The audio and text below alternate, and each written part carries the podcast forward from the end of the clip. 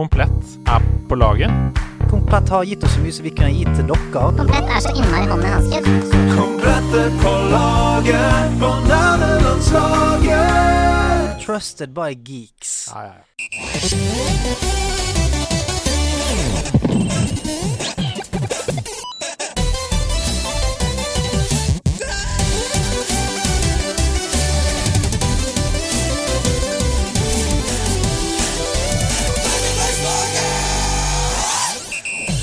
Hallo til deg. Du hører sikkert allerede nå i løpet av disse to første sekundene at den stemmen der, den har fått kjørt seg i det siste. Jeg kan eh, avvæpne situasjonen med en gang med å si at jeg har vært på utdrikningslag i Helsinki. Hvorfor i Helsinki, spør du? Jeg vet ikke, svarer jeg. Eh, det var ikke jeg som styrte den eh, turen der, men det var mye synging, eh, og det var mye eh, inntak av ildvann. Så jeg høres ut som en eh, pensjonert telefonsexarbeider akkurat nå. Sånn får det bare være. Men jeg er veldig veldig glad for å være her. Eh, kuren mot alt, i hvert fall eh, i mitt liv, er denne podkasten her, sånn at jeg er villig til å sette den sprøyten her rett i begge knærne, én i rumpen og én rett i halsen akkurat nå for å få alt jeg trenger. Velkommen til deg, og eh, med det sier jeg bare kjøttet går! Og grønnsakene koker! Ai, ai, ai, ai, ai, ai, ai, ai, Oi, oi, ai. oi. Det er Marius som har sendt inn catchphrasen. Og grønnsakene koker! Men de koker selvfølgelig ikke alene, for vi har noe potetmos på siden her. Ja, kall meg gjerne potetmos på siden, altså. Det er noe av det koseligste jeg ble kalt på en stund. Rein stivelse blanda med fløte og smør. Der er det meg. Jeg ville sagt at du var vår wacky broccoli.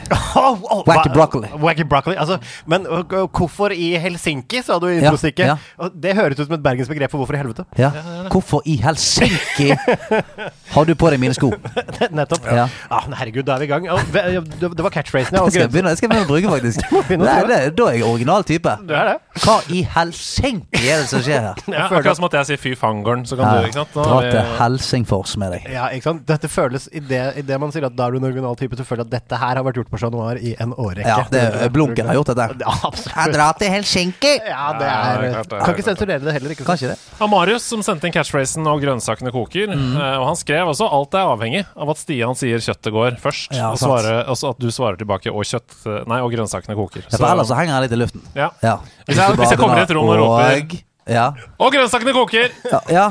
Å ja, okay, okay. Da, men altså, det hadde jo vært mulig å redde det med bare 'grønnsakene koker'. Det kunne også vært en parodi på. Ja. parodi på Børrestad i TV2-sporten. Ja. Grønnsakene koker! Ja, ja. Det koker! Ja, det er han. Altså, jeg føler at Børrestad bare sier Big One Pizza. Det er det han hovedsakelig sier. Big One Pizza kommer inn med sånn. Ja, stemmer det. Det er blitt kommersiell nå. Du, dette her, det, det, det er ikke ofte det er den konstellasjonen her. Nei! Men det er veldig hyggelig. Det er ikke, altså, det, er, det har skjedd før. Det har skjedd mange ganger. Ja, men altså, før eh, altså, I mitt gamle liv så var jo dette her hver bidige. Hver bidige tirsdag. Ja. Det var jo som sveitsisk urverk. Nå er jo ikke det, det er ikke så ofte lenger. og Så, så da sitter jeg med pris på det. Ja. Ja, Det som er i, i ethvert godt forhold. Man trenger litt, litt avstand også for å bli Jeg savner man ekstra mye. Litt mer som et latvisk urverk uten, uten forkleinelse for Latvia. For de som, jeg, jeg har, har det ryktet på seg for å være litt uh, neida. neida. av det? Det var bare det landet jeg kom på først. Ja. Altså, vi horologister, vi uh, ser ned på Latvia. Det har vi alltid gjort. Ja, okay. Jeg vet ikke hva en horologist er, men jeg tror Nei, altså, Horolog? En horolog?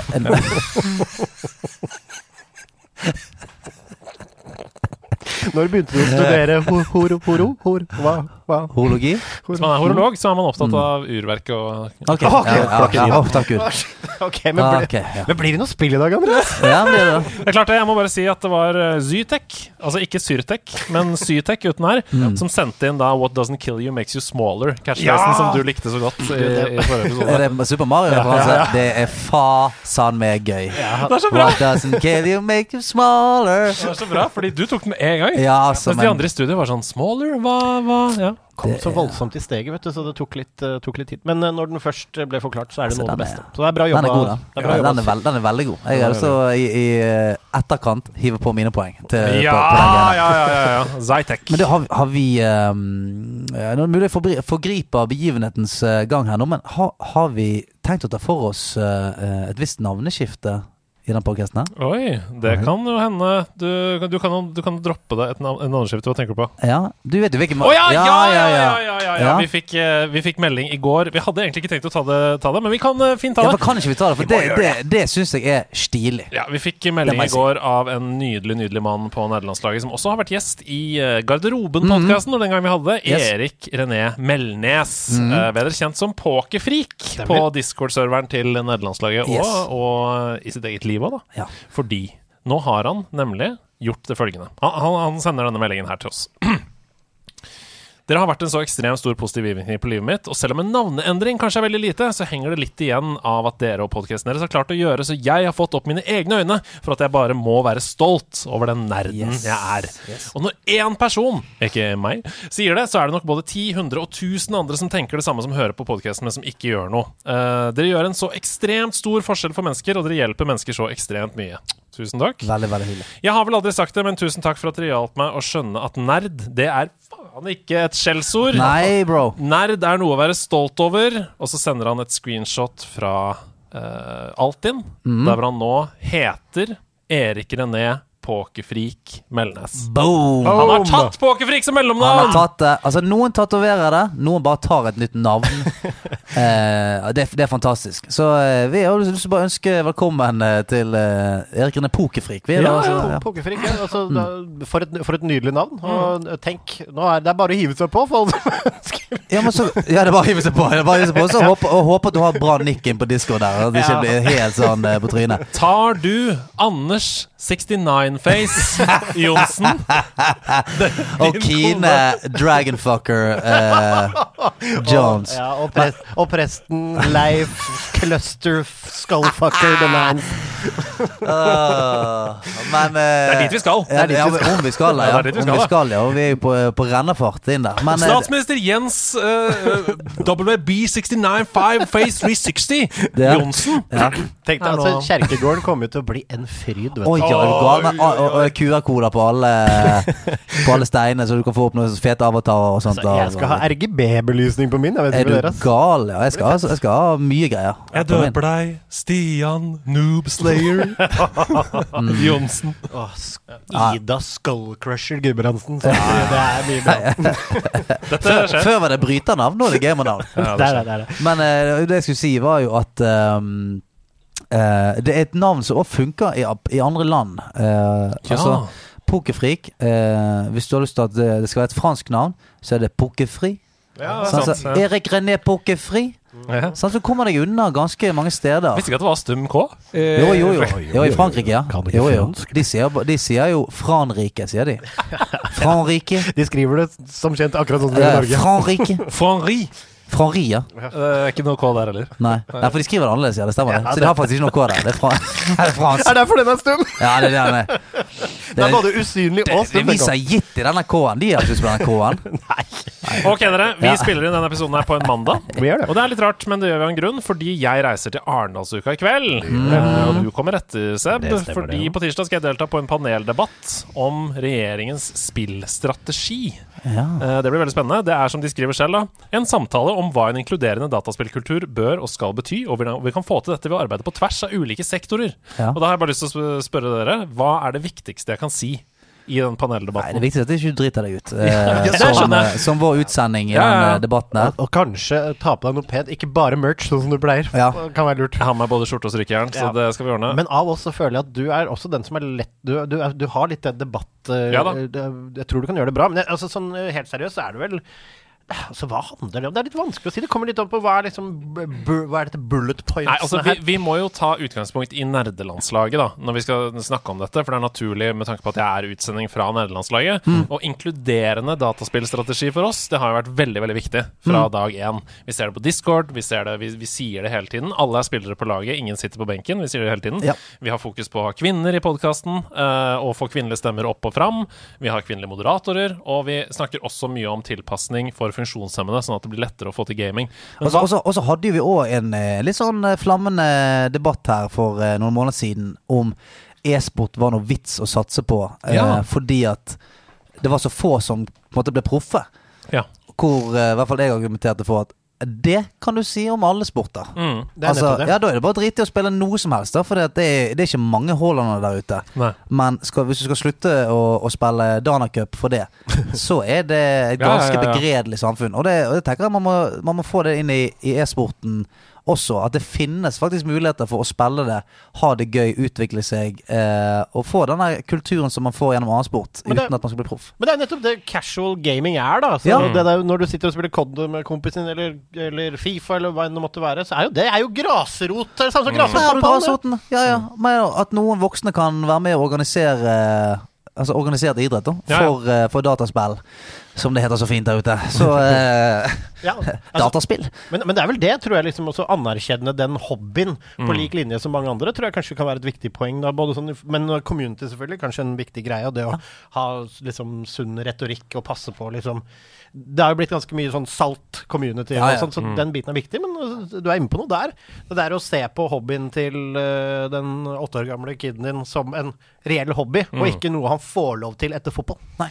Og så tror jeg også at det, det, det salte communityet som man ser mange steder, og egentlig en sånn generell attitude som veldig mange unge har på, altså i gamingsfæren, er jo nettopp pga. det at det, er, det befinner seg ikke i en sfære hvor disse reglene er. Altså Selv om du spiller på eh, Bergen Nord gutta 14, så er jo det vi kommer på trening da, vi er greie med hverandre. Hvis det er noe kødd ute på banen, så er det hei, sånn oppfører ikke vi oss her. Det er, det er gitte regler for hvordan dette fungerer. Vi backer hverandre, ikke noe, ikke noe drit. Og, og, og sånn må vi få det inn i, i gamingen og, og e-sporten. At ja, men hvis du liker å spille eh, CS, så, så er det noen voksenpersoner som kan, i hvert fall i, i starten, være med å arrangere ting. Sette liksom Hei, sånn holder ikke vi på. Vi driver ikke og slår i, i veggen og, og banner og skriker. Sånn at sånn du tar det der med deg inn.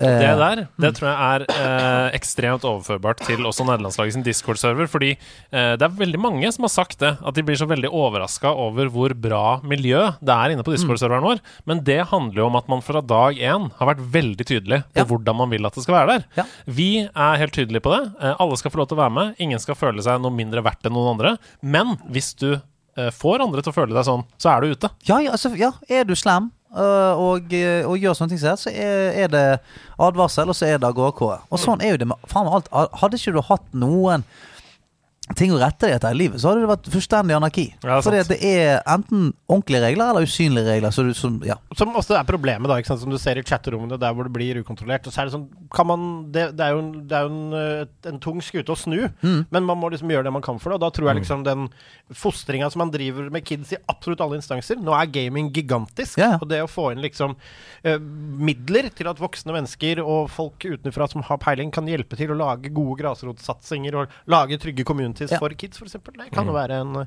smart løsning. Det. Ja, ja. Jeg tror det er helt konge. Da jeg har fått masse hvis, du- hvis du sier nøyaktig det vi sa nå Det er så bra, fordi det er seks stykker som skal være med i debatten. Ja. Det er én en time til sammen. Så jeg tipper jeg får sånn Ja, jeg, jeg heter Andreas Hedman, jeg er på nederlandslaget, min Discord-server. Ok, neste. ja. men, eh, men, men hvem er panelet? Er det noen som eh, Er det noen motpoler der, på en måte? Eh, ja. En jævlig ja, salt gamer der. ja, ja.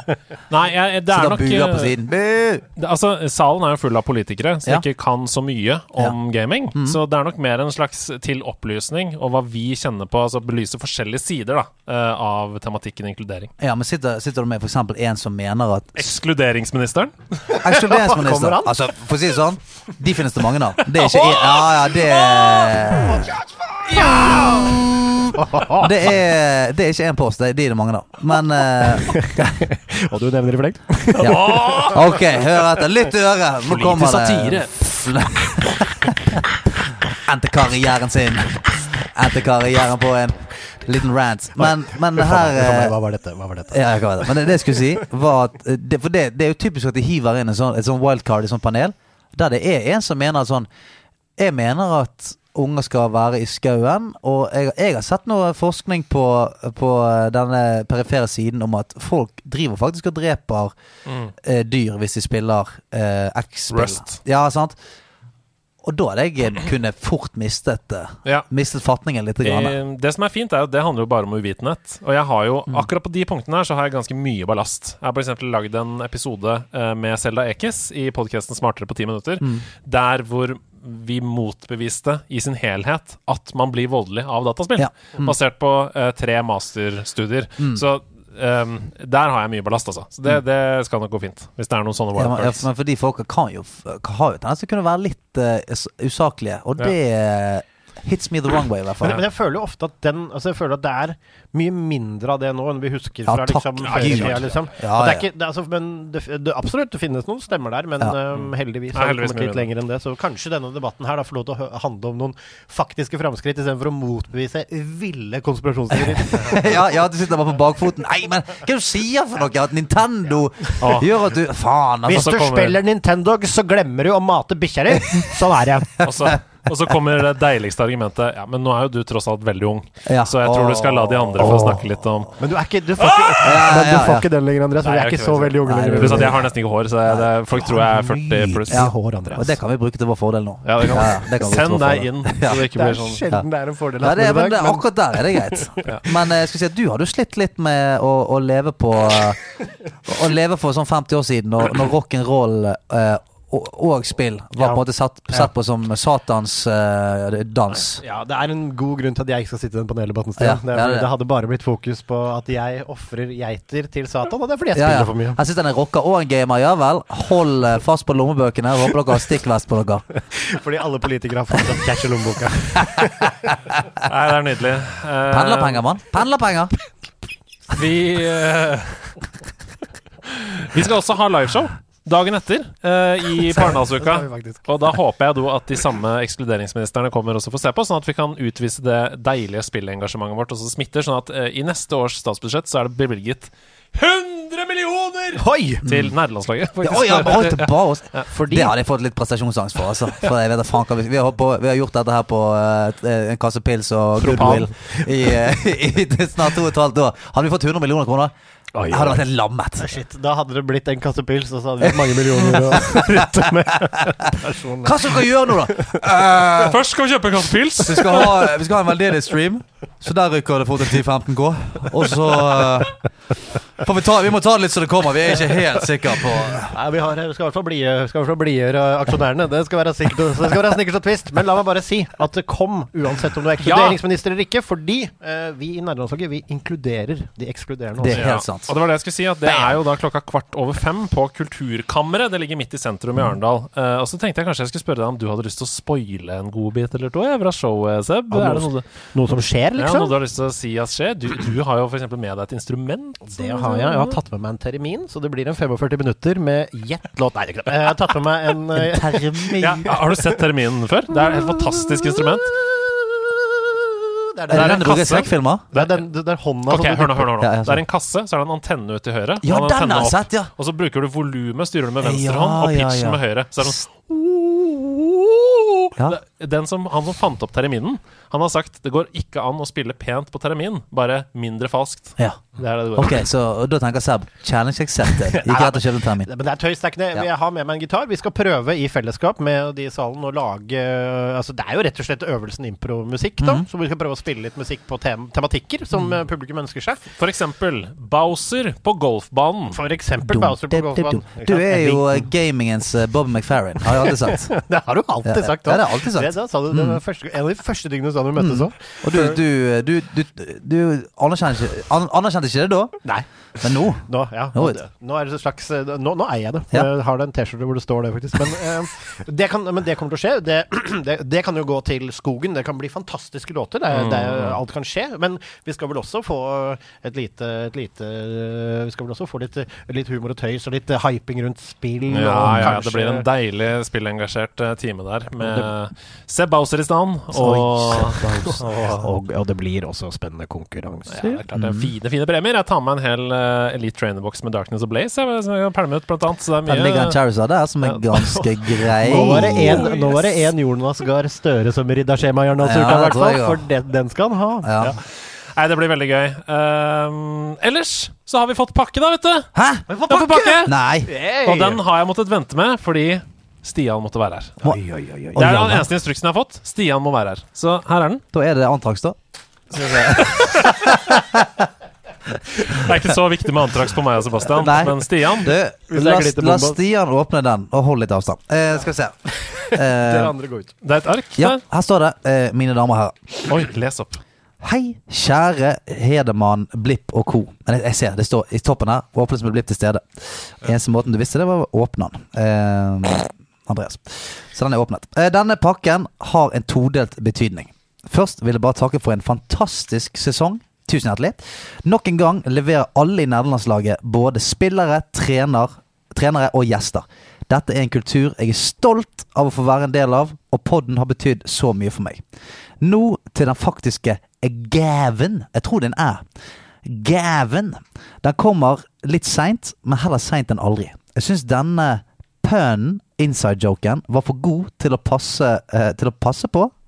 Passe på. Så jeg ville gjøre noe med det. Jeg synes resultatet ble bra. Få se om dere liker den like godt. Hilsen Shane McPain! Shane McPain. Tar du for, for. Jonas Shane McPain? Trollsfrue. Oi, Oi, det, var, det er en T-skjorte! det er en T-skjorte. Jeg har lyst til å bare se den sjøl først. der. Hva, hva er Å, den er jævla stilig! Få det på en T-skjorte! Det står 'Få det på en T-skjorte' med Stian sitt eh, pikselerte fjes over. Den er veldig kul! Den er jo drit Altså, men meterverdien er skyhøy. At du har 'få det på en T-skjorte' på en T-skjorte! Ja, ja, altså, altså, det, altså, Hæ? ja, det eneste altså, du- k- Kanskje det burde Altså, k- eneste som kunne ha gjort det bedre, er hvis det var på en genser. Tror jeg mener. Åh. Fordi da er vi ikke der ennå. Ja. Men eh, det, dette, ø, dette øker jo bare markedsverdien. Det Ja, der den er potensielt merch. Ass. Skamfet. Få det på en T-skjorte. Få det på en T-skjorte! Det er på en T-skjorte! Ja, det er på en T-skjorte!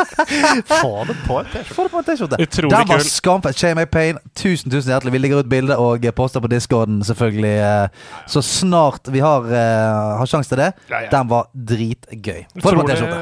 Bra. Eh, Og den overgangen er jo nydelig, da. Fra en slags gaming-T-skjorte til gaming.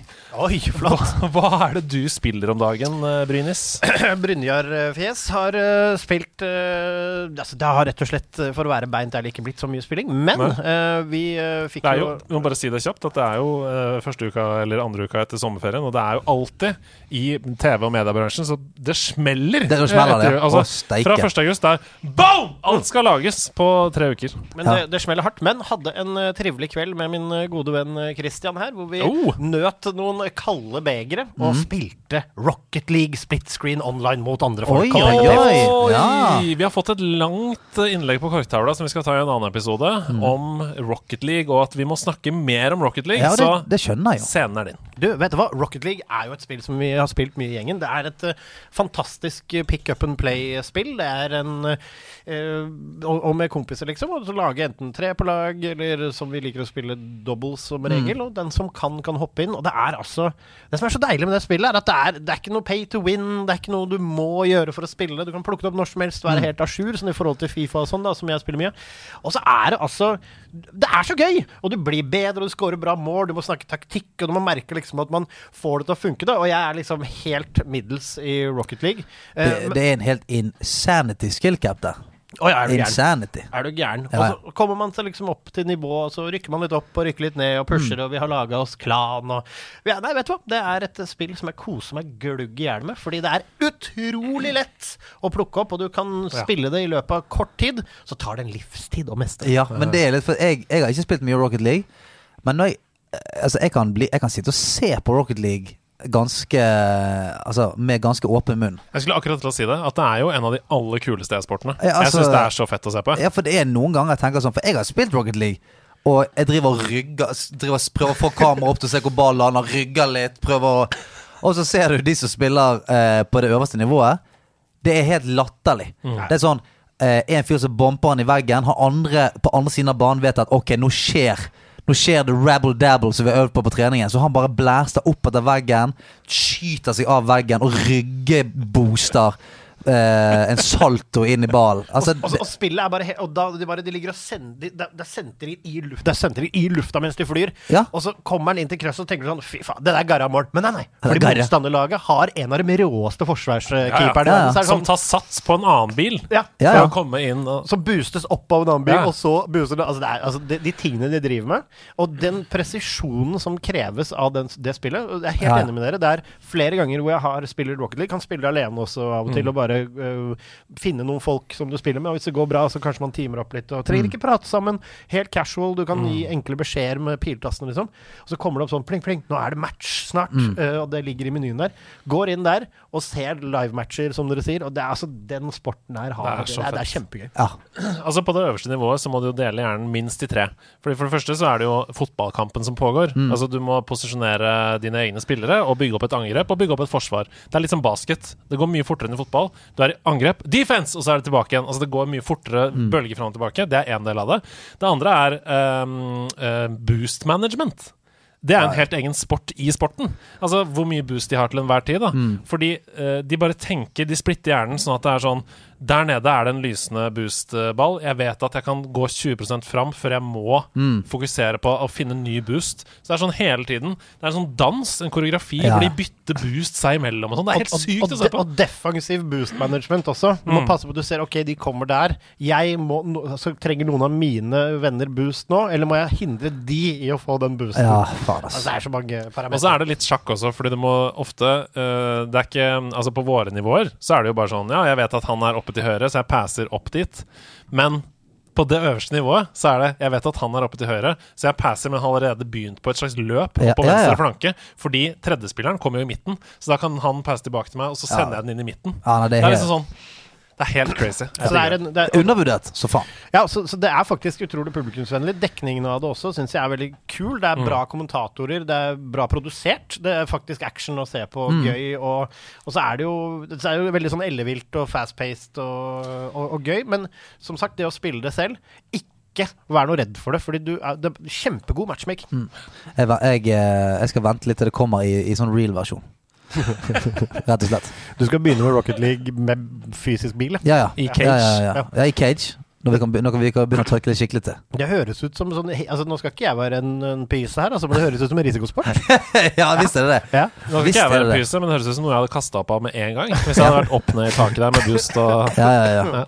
Nei, helsike. Det, ja. det er ikke for den svake. I Helsinki, mener du? I Helsinki. Ja. Få det inn i Få det inn språket, i da! språket. Få det på en T-skjorte.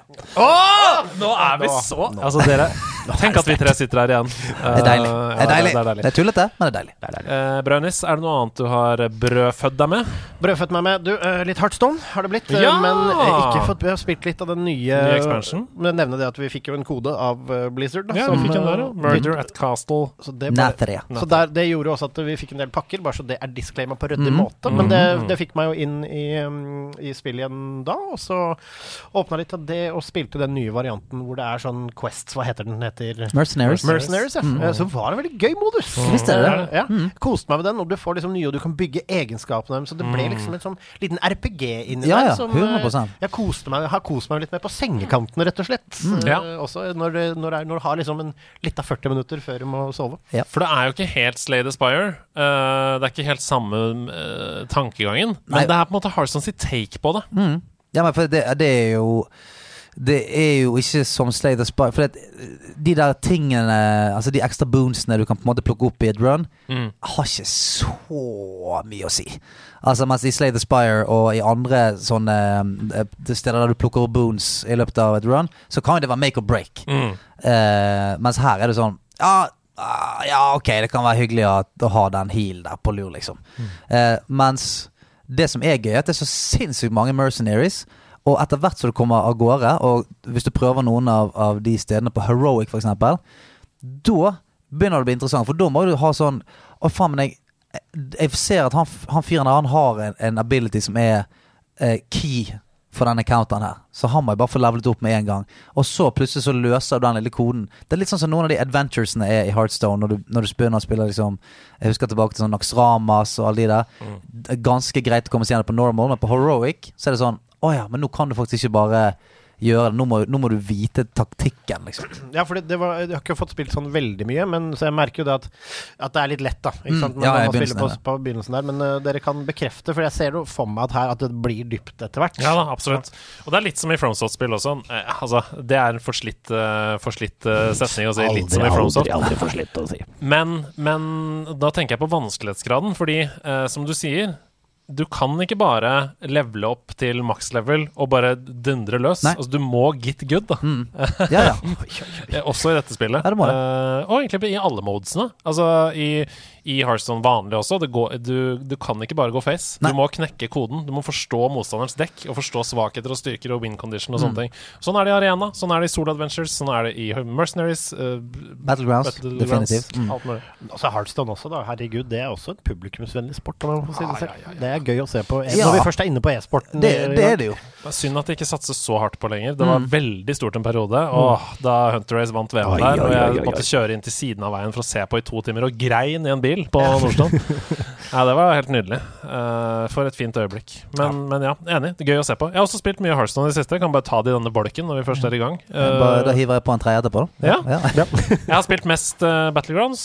for første gang over 6000 i ranking. Det er jeg veldig glad for. Nice, Um, nice. Og så gikk jeg 12-0 i arena. Det snakka vi om forrige Det er veldig, Pent. veldig Ja, pent. det er veldig pent. Og så har jeg nå en streak på 20 seire og 4 tap for å komme opp til Diamond 9 med Facehunter, da, eller Tempohunter. Mm. Jeg liker ikke å kalle det Facehunter, fordi Facehunter tidligere var mye mer Face? Ja, Ja, altså, face. Man dreit i, man dreit i hele boardet. Ja, ja. Du bare kjørte face liksom hver Mm. eneste runde, spesielt under Naxrama, som du snakka om. Death Rattle Hunter der. Pff, Helt krise.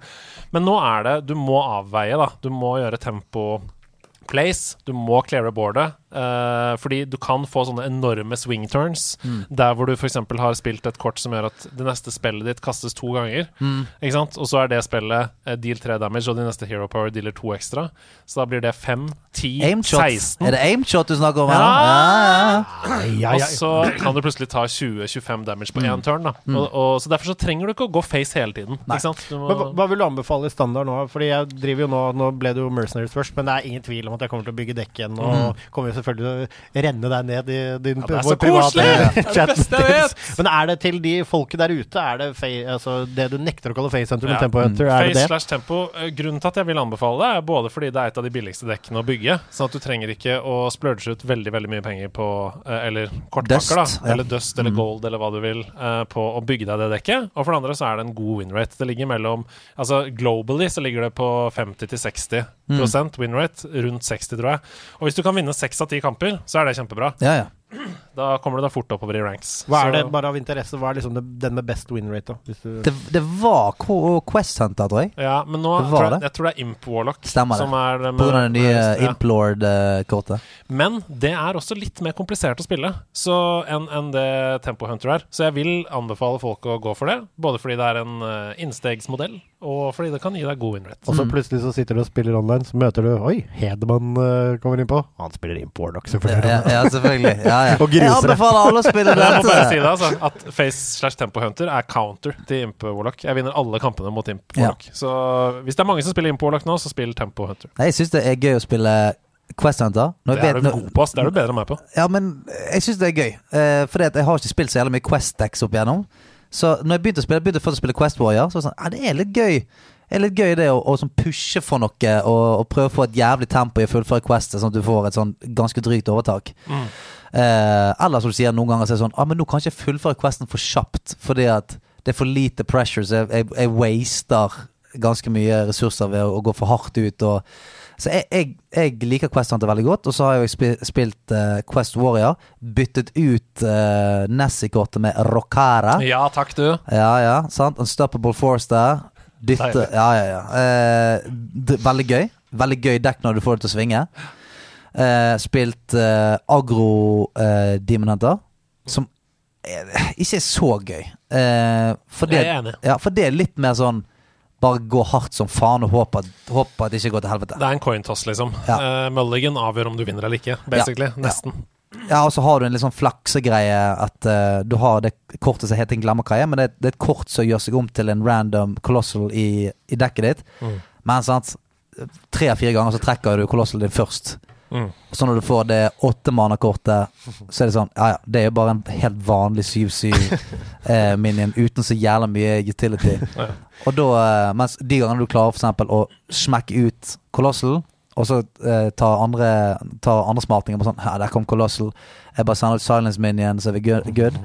Klarer dekket, bruker alle kortene sine på det. Så bare sånn Å, jeg har en til på lur her.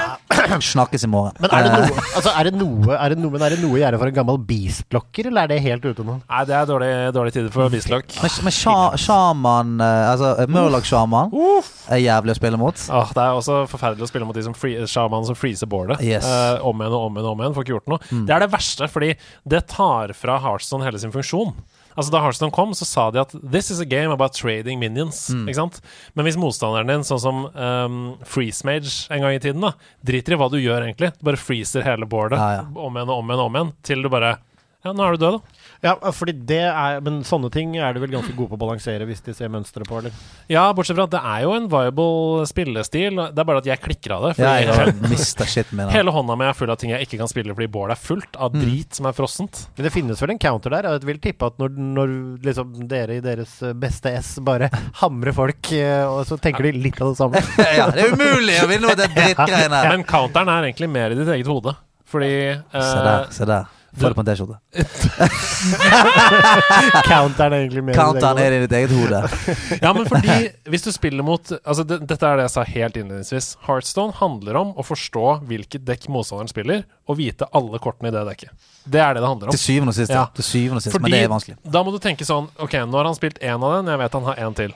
Det kan komme denne runden, ikke sant? Men eh, mot de dekkene vi snakker om nå, der hvor du freezer hele boardet Da må du ikke fylle hele båtet, da, mann! Må ikke fylle det, mann! Da må du holde minnens nede til tre og tre, for eksempel. Da må du lokke. Må lokke ut Ja, så må du tenke sånn Mm. uh, Fiske den ut. Det er bedre å holde igjen fordi uh, win condition deres er å freeze hele boardet og få én minion som får 20-20, ikke sant? Mm. Fordi den tar for hver freezed minion, så får den pluss to pluss to. Ikke sant? Så, så lenge du klarer å holde boardstørrelsen nede, fordi du vet at dette er en freeze-shaman jeg spiller mot, så vinner du. Skal vi, altså, nå skal ikke snakke så jævlig mye mer om Hearthstone. For for det er sikkert ikke så mange som er like frelst som oss om dagen på det. Men Mm. det er et kort der som jeg kjenner Det klikker for meg. Det er den der uh, Devora Mutanus eller et eller annet. Oh, den, mur, den murlocken som eter en minion i hånden din. Og når for eksempel når du spiller Quest Hunter, hvor du ikke har så jævlig mange minions, for du har mye spells og sånt, så er det sånn idet du fullfører questet ditt, så får du keycardet ditt. Og da glemmer vi av og til, når jeg spiller mot uh, ja, typ uh, Murloc-sjaman eller noe sånt. Så jeg, ja, så jeg sitter bare og pusher. Yes! Faen, jeg klarte å fullføre det questet dritraskt. Han er ferdig. Og så ser jeg, ser jeg i hånden min sånn Du har jo bare den minien. Og så kommer den jævelen utpå, spiser den, blir superfeit, har sånn 14-14, og det eneste du sitter igjen med, er sånn uh, shitty spill som gjør sånn tre damage og sånn. Så bare sånn, ja Nei, det er bare, Kan jeg bruke alle spelsen på meg sjøl og bare bli ferdig med dette? Hva for drit. Ja, nei, det er det verste. Og derfor så ofte Det skjedde litt med meg da jeg spilte Quest Warrior også. Ja. Så derfor så begynte jeg bare å ha som en uh, rutine for meg sjøl at jeg alltid skulle fullføre Quest når jeg hadde like mye Yes, mana til yes. å kunne spille samme turn. Det er jo det du må begynne å gjøre. Ja, ja. Ja, fordi dette merker jeg at dere er jo veldig mye bedre i dette enn meg. Altså det vil si at jeg ligger på et middels minus-nivå uh, og, og, ko, og koser meg veldig der, altså. Mm, det er men veldig. eh, men det, er, det er gode tips, dette. Fordi jeg merker jo at når vi snakker mye om det med Hedman og sånn, og som folk også Ikke, ikke, bli, ikke bli redd av det dere hører nå der hjemme, Nei, nei, fordi dette er jo et litt høyere nivå, men veien opp dit er veldig gøy. Ja. Og, og nå er det mange ord og sånn, men jeg trodde også det var litt sånn som en gammel Magic-spiller at det skulle være altfor mye å sette seg inn i. Men dette er også litt som Rocket League. For det er Ja. veldig lett å plukke opp og begynne å spille. Det det. Jeg, har hadde ikke spilt eh, sånn competitive på mange mange år. Begynt å spille det sånn hardt i sommer. Og det går veldig raskt. Mm. Uh, for du Kampene går relativt raskt, og så begynner du helt nede i, i på en måte bånn og møter like rangerte spillere. Sånn at etter hvert så møter du de samme deksene om igjen og om igjen, og du skjønner sånn ah, Ja, sånn som jeg sier. det er man- Ah, Shaman, de kjører det jævla drittkortet der. Kuler litt på det. Du vet at disse folka pleier å spille sånn. Og så er ikke noe sånn rocket science etter hvert. Det er nettopp som du sier, at det er bare Altså Gjør du ting nok ganger, så kjenner du igjen mønstrene. Og det er veldig, veldig tilfredsstillende og gøy når du sitter med, med den kunnskapen som gjør at det blir et, et, eh, noe annet enn å bare hive ut de kortene som kommer til deg. Og det er Jeg, jeg syns det er sinnssykt gøy. Jeg skulle gjerne spilt det mye mer enn det jeg gjør, fordi at eh, Men jeg blir så hektet. Så, jeg- så jeg, jeg, I sommer spilte jeg en del på sengen som før lå meg. Det kan jeg ikke gjøre lenger. Fordi at eh, det er, den, det er så sinnssykt lett å bare trykke på fine match en gang til. Ja, ja. Bare sånn Du vet at idet jeg trykker Der er en ny fyr. Ok, nå han, han fyren her ryker. Og det verste også er Battlegrounds. Vi skal ikke snakke mer om Warzone. Men, åh, men et det er game. Battlegrounds er dritgøy, men ett game varer en halvtime. Og Ja, det tenker man ikke på når den der ruller. Da tenker du ikke på sånn Nå har jeg investert en halvtime. Ja, ja. Ja, det er sant. Det er, så det er et livsfarlig spill. Skal, Ja, det kan jeg under, undertegne på. Jeg har kommet opp til 5600 rating der og sånn. Men da, begynner, da er det som sier Da må jo du Da kan ikke du spille det sånn som du gjorde eh, før heller. At det sånn Ha det litt sånn på siden der og flikke og sånn. Nå er folk så god oppi Ja, der at eh, sover du på én runde, så er det liksom god natt. Det er, Det er beinhardt. Men det, det jo satan så gøy, det. Det er gøy! Det er gøy! Hva annet har du spilt, da, Sebastian? Du vet hva, vi kan legge den der. Hva med Ja. deg? Eh, Skal jeg begynne nå, eller hvis, hvis Stian det jeg skal bare ikke avslutte, siden vi er inne i Activision Blizzards uh, hule og hånd her nå. For jeg så du logga på! Oi, å nei, hva har du logga på nå? Hva har du logga på nå? Du, eh, jeg uh, børstet jo uh, Altså, jeg skulle inn og, jeg skulle inn, jeg skulle inn og se litt. På, på, er, vi, er vi i en viss verden av krigsstrategier her? Ja, jeg skulle inn og se litt grann på, eh, på, på gutta mine. Før du snakker videre, jeg må bare si du, du klarer ikke å forstå hvor glad jeg blir når jeg ser Stian Blipp i Online playing World of Warcraft. Du, du klarer ikke å forstå hvor glad jeg blir, fordi det, det sier meg så mange ting. Ja, For det første sier meg du har plass i livet ditt til å spille. ja. Du har det bra med deg selv fordi du koser deg i den verden som er så nær ditt hjerte. Jeg, jeg, for det er jo det som er så dumt. Jeg koser meg så mye. Og det er derfor jeg blir så glad!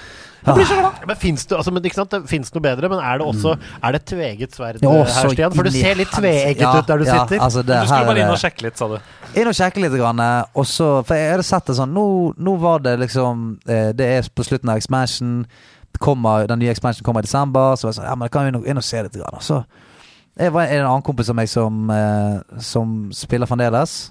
Og han har fått med seg en annen kompis til å liksom, teste litt igjen. Så vi satt liksom der og preiket. Så sa ja, faen, men det, hvordan får vi liksom kommet i gang igjen og henger sånn tilbake? Nei, nei, det er bare å gjøre sånn og sånn og sånn. Ok, gjorde de tingene der.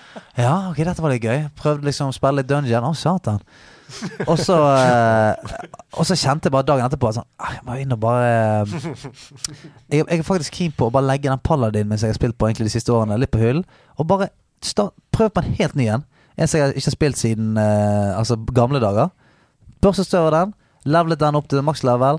Eh, og bare sånn Hvorfor har jeg aldri spilt Hunter før? Dette er jo verdens kuleste klasse. Eh, glemte at jeg bare skulle inn og kikke.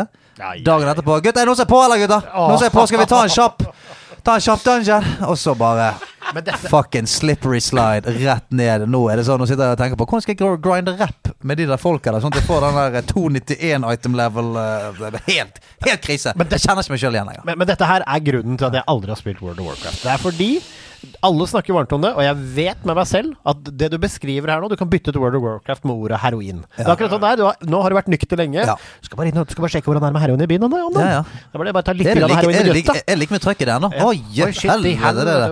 Smeller ennå, det. Hvorfor har jeg ikke røyket det før? det er litt den følelsen der. oh, nå har jeg ti nye år! Nå har jeg ti nye år med gøy. ja, det er litt den vibben der.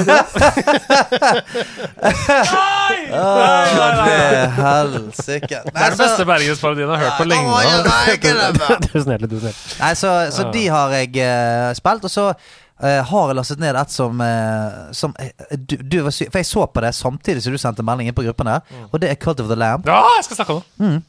Og så da skal jeg ligge med med det, men jeg har lastet det ned, for det, det så ut som et, et spill for meg om dagen. Ja, det, jeg, jeg har en, min ne det har kommet meg for nesen, og jeg har litt lyst til å høre mer om det. Men det kommer. Jeg har tatt fatt på Cult of the Lamb. Og det kom ut på torsdag denne Ja. uka her, eh, og det er så drita gøy. Jeg sendte jo det, du var inne på det. Jeg sendte Ja. en pitch til dere på WhatsApp. Jeg tenkte kunne lese den her med en morsom reklamestemme. Er du utbrent på spill? Har Elden Ring tatt knekken på utforskergleden? Trenger du et pick up and play der du kan slaye noen mobs og bosser for lut før du legger det fra deg igjen? Savner du høsten 2020, da du bare måtte ta et run til i Hades? Fortvil ikke! Jeg gir dere Cult of the Lamb, dette nydelige spillet som kom i går. Det ville ikke Ja. en reklamestemme sagt, nei, men ja. kan, gå, til kan, kan, kan bare bruke den én dag, den reklamen. som kom i går til samtlige konsoller og PC, som gir dere alt og mer til. Gå på noen runs, samle lut og driv din helt egen kult med hengivne følgere i denne grisemørke Hades møter Animal Crossing-varianten. Oi, Altså, det sier så mye om forskjell på hvordan vi konverserer eh, inne på grupper. For det at der klarer Andreas å få folk til å tenke Ja, faen. Hadde jeg skrevet det, så hadde jeg skrevet Dere må teste ut Cult of the Lamb. Det er ganske fett. Det er veldig sant. Ja, ja, og så hadde folk sagt sånn ah, det skal jeg gjøre. Men så Du eh, Der er du enestående. Ja, altså det, det er bra, fordi nå er det ingen tvil om at hvis jeg får tid i kveld nå, så blir det det. For jeg har jo kikka litt på det. Men, men hvis du skal utover, utover oi. salgspitchen Det er godt Ja. at det er noen som tør å legge hodet på hoggstabben. Ja, ja, ja, ja, ja. Nei, Vi, vi snakka litt om Moonlighter tidligere i år. Moonlighter det er jo et um, Hades-aktig spill der hvor du alternerer mellom å gjøre runs inni en gruve, og så driver du en butikk slash bygger opp en by da, med på en måte luten som du finner i den gruven. Og dette her er det samme, bare med to uh, forbedringer som er ganske eh, fundamentalt og betraktelig bedre. For det første så er gameplayet mye dypere, og det er enda bedre. Du starter et run, blir tildelt et våpen som kan være forskjellig hver gang, som i Hades. Du kan velge deg våpen, ikke sant. Her, her får du tildelt et våpen. Ja, ja. Det kan du oppgradere i runnet ditt. Ja. Du går gjennom et map som åpner seg, og det er flere forskjellige veier og sånn, ikke sant. Klassisk Hades. Mm Eh, men så er det jo sabla mye gøyere å drive en kult enn å drive en butikk. Ja, det, Det, skjønner alle. Ja.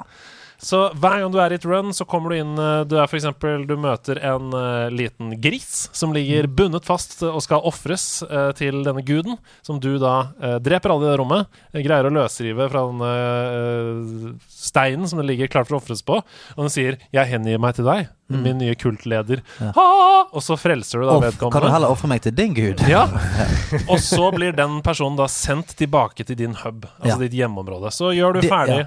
Din Animal Crossing, på en måte. Ja, sant? det er akkurat det. Ja, men er det, er det, dette er en rogelight i bånn, ikke sant? Ja. Og så gjør du ferdig da runnet ditt. Du kommer til en boss på slutten av runnet, dreper den eller blir drept. Det er jo ut fra hvor god man er. og så blir man da transportert tilbake til huben sin.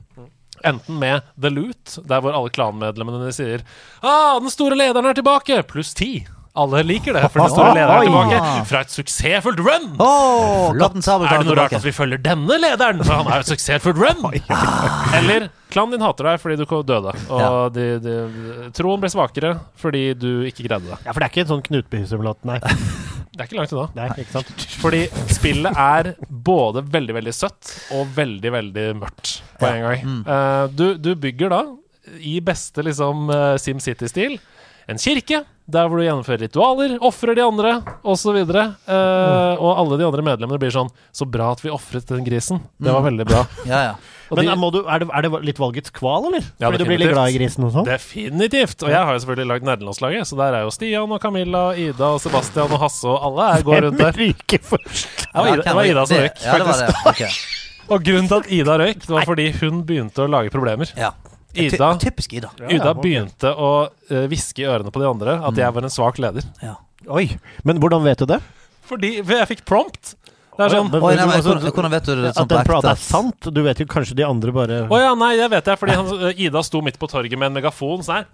Så hun hvisket ikke så mye som hun skreik i nei. ørene til de andre på mange måter. Da. Og da er det to valg. Enten så kan du bruke dagevis og ukevis på å omvende Ida tilbake til Har ikke, kulten, har ikke tid til det. eller drepe henne. Men da blir guden glad, ikke sant? Ja, ja, ja. Så det var Og de bra. andre i gruppa blir også glad, fordi de skjønner at eh, her er det en som er hengiven nok til å ofre seg selv Ja. for fellesskapet. Eller, eller livredd, Får selvfølgelig. bare håpe at den nusselige grisen ikke er muggen og sur nå, da. Nei da, vi får håpe det. Uh, og så er det masse ting, ikke sant. Du må, det er jo en jobb her. Du må drive denne landsbyen, så du må sørge for at de har toaletter de kan gå på. Du må, du må uh, gi dem mat. Du må finne ingredienser og lage mat til dem. Du må hogge trær og utvinne stein, og så kan du få hjelp av alle kultmedlemmene til å drive byen. da. Så du designerer sånn Seb, du skal jobbe i steinen i gruva, liksom.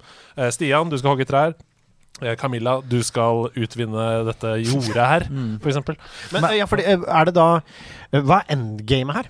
Eh, det har jo ikke jeg kommet til, da. Så Nei, det men, hva, jeg ikke. men er, hva er det overordnede målet? Det overordnede målet er som følger. Du er the lamb.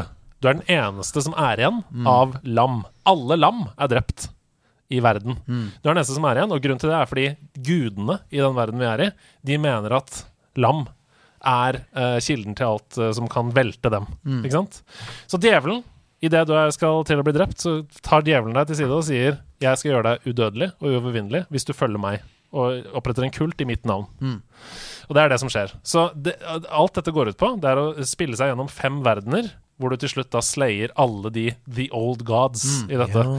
Og gameplay er dritgøy. Altså det, denne liksom farmen som vi snakker om nå, da, det er jo bare ett aspekt av det. Men selve de runsene, de blir vanskeligere, mobsene blir vanskeligere, bossene mega FromSoft. Du må dodge, du må slå, du må ikke sant? Alt det der, heale osv. Men det er der jeg har hørt at det er, eh, kan være litt sånn trøytete i begynnelsen. Fordi Mm. at det er så mye maintenance. Ja. som skal til. At du, du må liksom velge skal jeg bygge, skal jeg bygge eller skal, skal de få mer eh, Skal de få en stol, liksom. Jo, men også har du hørt på podkastet Vi snakker om en fyr her som spiller høytrykksspillersimulator, Ja. så jeg tipper liksom at det går Jeg, rett jeg, igjen. trekker, jeg trekker alt tilbake.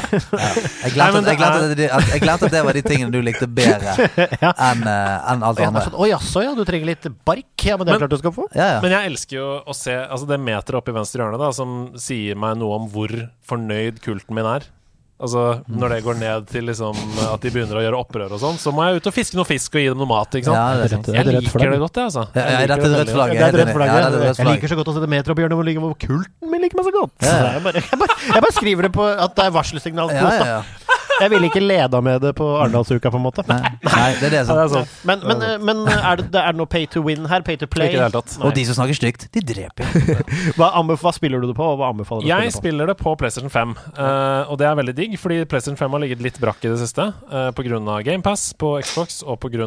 Um, masse gøye ting på Switch, og pga. masse gøye ting på PC. Men, du, Så- men det er vel som Hades eh, godt, eh, godt å spille med kontroll, regner jeg med. Veldig. Ja. Eh, Det, det er superdigg å spille med kontroll. Eh, jeg kan ikke si noe om mus og tastatur, men basert på de andre spillene i denne sjangeren, så vil jeg si at det er best Men, med men kontroll. er det på Switch? Eh, ja, det er det. Det er på alle konsoller. Ja, fordi det virker jo som et spill som hadde vært fint å pick up and play. Det koster 250 kroner. Ja. Det er det så verdt. Altså, eh, jeg har kost meg mer enn 250 kroner allerede. Mm. Det kan jeg si med en gang. Men for meg, da vil du anbefale meg å ta dette på Switchen, så jeg kan ha, ha, et sånt, ha det som Hades? Jeg spilte jo Hades på Switch. Ja. Jeg vet ikke hvordan det kjører på Switch. Uh, det har jeg ikke sjekka. Men sjekk litt opp om det. Om Det skal jeg gjøre. det jeg gjøre. Jeg, jeg, jeg, spilte, jeg prøvde meg på Tunic før sommeren på Mm. PC. Mm. Det skjønte jeg etter en halvtime at det gidder jeg ikke. Nei, det er ikke det samme. Nei, for det, det, sånne spill uten kontroll, det, det er litt sånn køddete, syns jeg. Mm. Jeg streama det, og da spilte jeg med kontroll på PC. Og da, altså, Veldig veldig gøy starten her. Koste meg og med community og hjelp og hele pakka. Og så kom det, et på, eller, kom til et punkt hvor det bare ble å lete etter veien i et sted hvor det er vanskelig å se veien. Det gidder jeg ikke. Nei, det, det, sånn er det. Sånn Det er gidder det. jeg ikke, Men det er et veldig bra spill i bånn, og du kan sikkert gå inn og se masse du kan, helt sikkert, du kan, Jeg kunne helt sikkert sett på en walkthrough, men sånn Mm. når det ikke er intuitivt, var sånn Å ja, den veien var der, uten at jeg kunne vite det på noen som helst måte. Mm. Og Tunic har så mange lag. Uh, spillutviklerne har utviklet et eget språk som kun er i tonene i musikken. Så hvis du går rundt og hører rundt omkring i de forskjellige uh, områdene, så kan du oversette det til et språk som sier deg noe om historien. Frida Levelup har selvfølgelig gjort det. Uh, hvis du vil høre mer om det, så kan du høre hennes fem spill du må spille før du dør, her i nederlandslaget, hvor hun snakker om Tunic og det hemmelige språket i musikken. Det var veldig, veldig gøy. Og hvis du vil høre noe mer om Tunic, så er ikke denne fyren fyren du. For det spillet er jeg ferdig med. Beklager det. Det er et, var et veldig bra spill, kanskje jeg kunne spilt det mer, men nå blir det å starte kult med Andreas Hedemann. Yes. Åh, det er så gøy. Uh, og så har jeg også begynt på Xenoblade Chronicles 3. Ja. Vi fikk jo Xenoblade av Nintendo i posten. Mm. Uh, jeg tenkte at Stian skulle få lov til å få anmelde det slash spille det, men, det eh, er jo et trakk- enormt spill. Trakk det tilbake. Og Stian jeg har gledet meg kjempelenge. Så det er der det, så det, er der det spillet har blitt av, Ja, men du har begynt å røyke Eh, heroin igjen, Stian, så det hadde ikke gått uansett. Men det har kanskje vært godt å få noe annet inn i livet mitt. Metadon. En god venn hadde, en god venn hadde kommet inn og så tatt tak. Hvis du vil ha det, så skal du få det med en gang, for det jeg er så dritbra. Nå vil ikke ha det mer. Er så dritbra. Nei, vi ikke ha det lenger. Det er besudlet. Det er besudlet. Hvor bitter han er. Men ok, fortell, fortell. Jeg har jo ingen erfaring Fortell om i dette det hele fete tatt. spillet du har spilt. Snurt for å ikke få merch. Eller spill, da, som Ja. dette jo Jeg er. har null erfaring fra Xenoblade-serien fra før. Uh, jeg har ikke spilt Xenoblade 1 og ikke 2 heller, men det gjør ingenting, fordi i denne serien så er det avsluttende historier i hvert spill, sånn som Final Fantasy. Ja. Uh, det er nye historier i samme univers, da. Så Forrige gang jeg spilte JRPG, det var eh, Pokémon Legends, Arcus. Men det, altså, det er litt jukse-JRPG. Ja, det, si det. det er et Pokémon-spill. Det er nesten en egen sjanger. på en måte Så Forrige gang jeg spilte et som dette, det var nok Final Fantasy 7 Remake. Det var forrige gang jeg liksom var inne i et JRPG-univers. jeg har spilt fem timer. Jeg digger det helt enormt så langt. Jeg digger det så mye at jeg klarer nesten ikke å tenke på noe annet. Jeg, jeg skal på Arendalsuka, og jeg skal ha med Switchen. Fordi jeg må fortsette å spille. Men dette, ja, for dette er Switcheroonies, og her kommer jo da Fordi jeg er jo i markedet for et spill på Switch, og derfor mm. Colt of the Lame uh, hoppa litt av siden her. Mm. Men dette høres jo ut som kanskje trumfordeler. Ja, jeg, jeg har gledet meg kjempemye til det spillet. Um, Ja, men det verste er at jeg husker det i vår uh, private felles Ja, for nederlandslaget Ja, ja. uh, også. Husker jeg sånn, Du sendte bilde av spillet, Stian! Så jeg er og Stian bare 'herregud, jeg gleder meg', og så tok det ja. Ja, men eh, du skrev, hva var det svarte? Er det 100 timer jeg ser foran meg? Ja. Svarte. Ja, det var jo positivt, var da! positivt. Det er sånn han svarer. Ja, Der, ja. hvor, der hvor du skriver Er det, hvor du ja. Er, er det masse timene». deilig mat jeg ser på bordet? Det er jo ikke noe negativt til det. Nei, det er sant. Nei, vi, Nintendo Gud Berg, bedre hvor mye mat du har laget. Å, unnskyld. Nei, nei, det var ikke sånn ment. Er Bergsala, Nintendo, hvis dere hører på, send et uh, spill rett til Stian. Ja, nei, altså Ikke- hvis du hører på, sier ikke nei, jeg heller. Ikke, Ok, ikke, Xenoblade- ikke ring meg. Xenoblade Chronicles 3. Du blir kasta rett inn i handlingen. Og det er vi veldig glad for, vi som er uh, ikke Har fått spillet. vi er, Nå må dere la det ligge. Nå må dere la det Nei, du ligge. skulle latt det ligge, så jeg gå og hente det. Hallo, han er tilbake på jobb. Han er, han er tilbake, og bitterheten sitter løst. Ok, Andreas, fortell om det fantastiske spillet du har fått, da. Vi er jo ikke sånn uh, tutorialens høyborg. Det er, ikke, det, det er ikke der vi henger. Uh, så du blir kasta rett inn i handlingen. Det er veldig bra. Det er et stort univers. Xenoblade Chronicles, og veldig veldig mye å forklare. Jeg så en sånn 14 minutter sånn uh, What you need to know before playing Sinoblade Chronicles 3, som var en oppsummering av historien i 1 og 2. Det anbefaler jeg eh, å gjøre. Så jeg skal bare bryte den ned veldig veldig raskt her. I dette spillet, nummer tre, så handler det om en gruppe mennesker som trenes opp, altså en slags rase, da. De trenes opp fra de er små, til å kjempe. Det er det livet handler om. De er soldater fra de blir født. Um, I ti år, det er regelen i det samfunnet, i ti år skal de kjempe. De som overlever de ti årene, de blir tatt imot som helter i det som kalles en homecoming. Det skjer nesten aldri, for de aller fleste dør i løpet av de ti årene. Og det du gjør når du våkner opp her, det er at du styrer fire av disse fighterne da, i et crew. Eh, og de har alle rollene. Det er healing, det er tank, det er nærcombat og ranged i den firerbanden. Eh, og det pågår da en krig mellom vår stamme eller gruppering med mennesker og en annen. Og den krigen den har pågått i årevis og bare stagnert mellom to liksom store med Og det er veldig sånn MEC-orientert. Svære maskiner. Veldig kult. Men etter at vi har fått spille noen få timer, da, så kommer det da selvfølgelig en tredje ytre fiende inn i dette miksen som truer verdens undergang. Og det er da ting begynner å skje.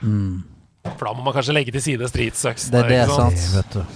Det har vi sett før, ja. I beste Den har vi sett Det har vi, før. det har vi, har vi hørt om det før. Nå det kommer ting fra utenomjordiske, da, vet du. Ikke sant? Og så er plutselig jorda på dag. ja. Er det akkurat det som skjer? Jeg skal ikke si noe Der. mer. ok, Jeg har spilt i fem timer, så dette er et 100-timersspill, så jeg vet ikke hva som skjer videre. Men, men det er uh, veldig bra. Og akkurat som i alle andre JRPGs, jeg syns det er det beste. Jeg leste en uh, kommentar som var sånn Jeg liker hvordan alle JRPGs begynner med at du plukker blomster, og ender med at du kaster en gud inn i sola. det er spot on. Det er veldig spot on. det er fucking spot on. Det, kommer, altså, det som er at Vi var mye flinkere til å ta vare på folks visdomsord før. Altså Ja. Henrik Ibsen kunne jo nesten ikke si 'kaffe med melk, takk' uten at det ble liksom skrevet i sted. Men Ja. den der, den må vi huske. Vi Ja, må begynne å samle huske. disse Ja, må det. Må det. Nei, så det, eh, men jeg kan si litt om de forskjellige tingene man gjør i kampsystemet. Klassisk eh, JRPG, men, eh, men JRPG som i mer moderne. Altså det er action turn-based, Mm. på en måte. Mm. Så at du går bort til en fiende, og så auto-attacker du. Ikke sant? Mm. Uh, karakteren din auto-attacker av seg selv, men du kan også velge uh, forskjellige abilities og sånn, og gjøre det i en timing som gjør at det er riktig. Ja. Og når du kommer da opp i et veldig høyt nivå, så bytter du mellom de rollene. ikke sant? Mm. Så du går fra range til close til healing til å bytte mellom de forskjellige combatene, sånn at man jobber som et Ja. team. Men pauser du combat når du da Nei. ikke sant? Så det er live og on the fly. Mm. Mm. Det er jo kult, da. Det er live on the fly, men det er bare Altså, det er auto-attack, ikke sant? Så Ja. du trenger ikke å trykke X for å slå med sverdet hele tiden. Du, du må på en måte ha et mer overordna blikk på Mm. situasjonen. Veldig kult. Ja, kult. Men dette er og Ser det bra ut? Det ser dritbra ut. Mm. Uh, det ser kjempebra ut, og det, ja, det ser ut som Breath of the Wild. Altså Er det noe, er det noe eh, Lukter ikke dette lang vei neste spill man skal spille? Jo, jo, uten tvil. Men det er jo en, et JRPG, som vil si at det er mye tekstbokser, som vil si at du må uh, forstå mye og sånn. Men, men det som er genialt med det, som jeg ikke har opplevd i noe annet spill, og det kan godt hende dette er vanlig for JRPG, jeg er ikke så uh, kjent med sjangeren, men du får bonus av å prate med folk. Nei, ja, det er veldig vanlig. Og det betyr at det gir jo veldig insentiv for utforskning. ikke sant? I Skyrim for eksempel, så får du jo bare informasjon av å prate med folk, men her får du pluss 20 rep i Ja, ja. den stammen. Ja, og det, og det, er, det er det som er litt sånn gøy og veldig avhengigskapende i, uh, i JRPGs. At uh, du har ofte fullstendig crazy battle, men så er det sånn Det er alltid en sånn hub. Uh, enten det er at hver gang du på en måte camper opp, så er det sånn eh, Ja, nå må du snakke med henne, nå har hun noe å si. Mm. Så forteller hun litt mer om historien, og så b- bindes alle sammen litt closere. Eller at det er sånn Ja, det er et eh, et hovedkvarter, da. Og der er det sånn ja, når, Etter et main story mission så sitter står han inne borti hjørnet. Ja, Hvorfor står han borti hjørnet? Mm. da? Han har en historie. Og så b- Dess større bånd du har, dess bedre eh, eh, attack coordination har dere Ah, sammen. Ja, og der kan, men der kan man f.eks. også liksom få et item eller noe. Yes. boost. Altså, for det er det, hvordan er det customization er i karakterer og sånn? Kan du oh, lage din egen karakter så den ser ut sånn som du vil, og fighter sånn som du vil og sånn. Definitivt. Du kan jo styre alle traitsene om du vil. Du kan bytte ut alt av items, du kan bytte ut alt av armor, eh, og du hopper jo mellom de forskjellige folka. eh, og, og, hvis du, og det er det som er så avhengighetsskapende, for det du snakker om. ikke sant? Jeg gjør et quest, og så vet jeg at i enden av dette questet så skjuler det seg en chest plate som er perfekt for tanken min. Så da Ja, jobber vi som lag sammen, og så får jeg den chestplaten, sånn at han blir sterkere, og så er det sånn Ja, ja, ja, glem det. Ikke sant? Og så er, sånn holder man på. Ja. Ja, fordi du spiller en karakter som er deg. Ja, du, du er en hovedperson, men i fighting-sekvens så kan du bytte mellom Ja, de forskjellige. Mm. Og den hovedpersonen du er, er det som kalles en off-seer. Og det er det nydeligste jeg har vært borti i noe spill. Det betyr nemlig at han sender døde soldater inn i etterlivet eh, ved å spille på en slags fløyte i en kort seremoni, da. Så hvis du hm? Nei, nei, bare fortsett. Så hver gang, altså det, som jeg snakka om innledningsvis, dette spillet handler om en rase med mennesker som kun handler om å fighte. Mm. De dør på slagmarken, det er det mye ære i, og få kommer tilbake. Og hver gang når du går ut og utforsker dette universet, hvis du finner en død soldat, så blir det et fint lite øyeblikk. Ja. Fordi du er en off-seer, så du kan gå bort, sende personen inn i etterlivet, og du ser at sjelen forsvinner, liksom. Og For det finnes et etterliv her, ja. Ja, ja, og du får da bonus selvfølgelig for å gjøre det. Så du trenger ikke å gjøre det, men du får bedre rap med den stammen som vedkommende var fra, for det er jo som en begravelse, på en måte. ja. Ikke sant? Å, det er så mye digg! Å, det hadde vært gøy! Og s- Det hadde vært gøy. Ja, ja. Den som bare hadde hatt Det- Xenoblade ja, ja. Chronicles 3. Det er sånn jeg hører på det, så hø- det, det, det, det, det føles ut som man, man burde ha spilt det spillet, liksom. Men nå er det smalhans, så det er, det er få forunt. Det Ja. er få forunt. Veldig gøy. Vi har spilt litt, da. Det ja, er vi har, jo, eh, spilt, godt å eh, høre. vi har spilt veldig mye, og det er så deilig, for da blir det alltid så saftig, juicy innhold i podkasten. Vi gjør det. Alme, alme dag, eh, eh. Alme, alme dag. Alme er dingen, het is time for you. Denne gangen har det skjedd. Ja, det er sjelden det er redd. Oi! Men jeg har med noe shit for dere å se. Jeg kom litt grann inn på kanten her og hadde ikke visst at jeg skulle være programleder i dag. Det har ikke med en dritt, men eh, sånn her er livet mitt. Jeg er så spent på hva Stian har med seg i sekken sin. Lurer på om det er en like fin ha med dag som min. Har han tatt med seg et stek, eller har han tatt med seg et spill? Er det Xenoblade Chronicles 3? Nei, for det har du griska deg til. Det har du griska deg til. Hva er det du har i handen din? Jeg har med meg en gave til dere. Nei! Nei. Jo, Der du ikke Eh, får noen gaver selv om dagen, så så gir jeg. Fikk jo nettopp ei gave, jo. Jeg fikk ikke Xenoblade Chronicles. Nei, Ja, det er sant, men du fikk T-skjorte som er plaster på såret, da. Jeg fikk bare forhåpninger om gaven. Men eh, Dette kommer til å gå hele sesongen. Dette. skal vi se. Eh, vi har jo eh, Altså i hvert fall Sabolini har eh, en tiltrekning til eh, spill oh. som kan vekke selvfølgelig kraftige aggressive reaksjoner. Riktig. Eh, og eh, Elden Ring har jo også tatt uh, Andres Hedemann bestå. Oh. Lokket den inn i samme gryten. Der man, der man virkelig lokker fram eh, hvite knoker og frå, uh, fråde kjeften. Det er flagellanten, som, flagellanten i det som får Ja, kjørt seg. ja. Så eh, jeg er jo veldig redd for at nå har jo sant, eh, Vi har begynt å få oss eh, fint utstyr og å spille spillene våre med, og jeg er redd for at, eh, at dere skal eh, ødelegge det, rett og slett. Ja. Nå når dere er inni denne gryten her. Så jeg har kjøpt eh, det som heter desktop boxing. Wow! Så her er det, Det er ekte gaver! det er det. Så her er det en eh, liten boksesekk og en liten boksehanske som du tar på pekefingeren din. Sånn at når du kjenner at når du kjenner, Nå nå har det vært godt å få noe ut, så bare knipser du dritten. Ja, ja. Det høres digg ut. Knipser dritten ut denne boksesekken. Buh, buh, buh, buh, buh, buh, buh. Og så det si- eh, Så har du sånn skånet det meste andre, tror jeg. i hvert fall Så, eh, så vær så god. Tusen takk, det er så det raust. Jeg må bare si en ting, og det er at forpakningen ser jo øh, altså helt fantastisk ut. Den Ja. ser jo ut som et kvalitetsprodukt. Ja, det skal Knock out your stress! Ja, knock out your stress. Don't take your stress out on your coworkers. Yes, sir. Or your co-host. Take it out on this mini punching bag. Altså, fy faen. Det, det, tusen takk, Stian! Vær så god. For en fint. ha-med-dag. Jeg skal ta med rett i Arendalsuka når jeg har møtt på alle de eh, ekskluderingsministrene. Ja, ja. Jeg sitte og bokse på pultene. kan ikke du bare ha den på pulten? Ja, på pulten man sitter der Så når de begynner å snakke, så bare duff, duff, duff, duff, duff, duff. Dette er kjempegøy! Ja, den er kongen der. Ja, jeg skal ta bilde av dette også. Det er to boksehansker, du så kan ha på hver! Herregud! Du Kan kan du speedbagge. Kan Kan speedbagge. eh, kan du Ja, ja det, å, det er gøy. Fantastisk. Rett i kofferten til Arendal. Eh, der ligger den. Men vet du hva som også følger med? Hva da? 32 page book with fingerboxing moves and boxing trivia. Damn! Ja, det var, det var mer enn jeg trodde. Altså, dette her er altså Hvis noen ønsker dette selv, hvor går man? Outland. Oh. Er perfekt. Ja? Jeg har også med en ting å ha med dag. Og det er uh, for å belyse og egentlig åpne opp spalten litt. Fordi vi er jo nerder, og vi er nerder på mange ting her i livet. Noen ganger så har du tatt med f.eks. et tegneserieblad. Det har skjedd. Uh, og det er helt nydelig. Jeg er jo, som dere alle vet, fotballnerd.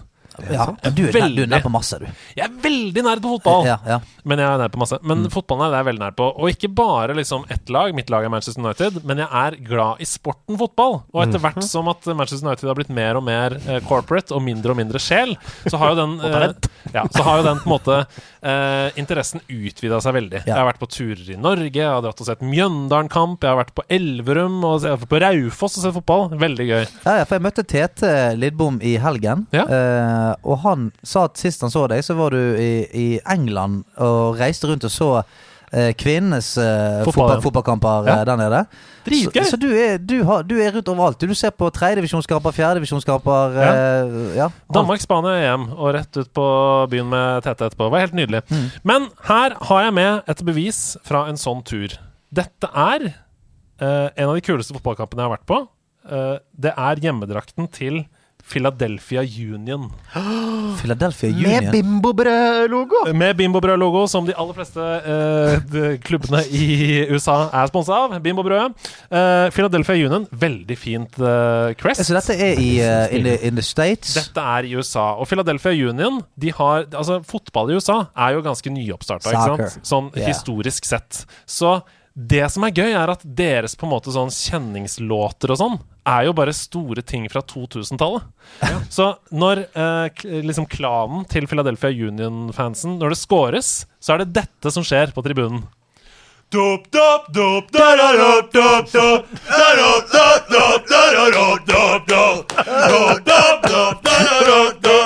Og hele tribunen står Det er jo skamfett! Det er jo skamfett! Men tenk om tenk om Philadelphia Union er sånn 150 år, og så er det sånn barna er sånn Dette er en av de gamle, gode sangene, dette. Vise en gamle vise. Det. Det var en gammel fisker, ser du, som ikke hadde fått fisk den dagen. sånn måtte kjøpe Seattle. Sounders De har sånn Du hast! Du hast mich! Nei, de har ikke det. Men, men det er den stemninga, da. Og det var så gøy å være der. Uh, altså, og nå er jo Philadelphia Union det beste fotballaget i USA.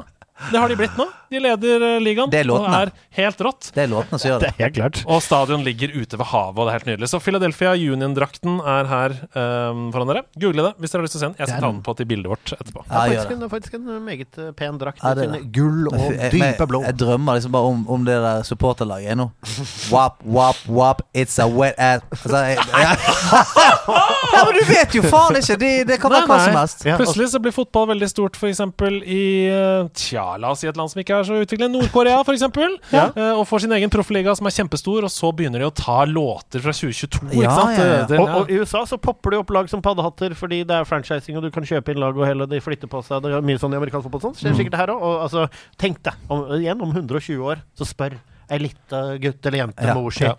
eller far sin Mother, why do we sing the wet ass pussy song each time we score? Well, it's a traditional song yeah. about a It's an woman. old, old song It's about women's liberation! It is, Yeah, yes. it is indeed. Nei, men jeg må bare si en ting helt til slutt på denne, på denne hammedagen. Og det er at jeg vil oppfordre alle andre, hvis dere har en interesse, en hobby, det kan være frimerker, det kan være biler, det kan være fotball, hva som helst, reis ut i verden og se og opplev den uh, hobbyen andre steder. For det gir en så utrolig mye sterkere følelse av nerdhet. Eh, og, og det er eh, glede, liksom. Det er glede. Min kompis han elsker motorsport. Kjørte motorsykkel til Nürburgring i Tyskland og bare satt ved siden av banen på et hotell i tre dager og så på Porsche som kjørte rundt.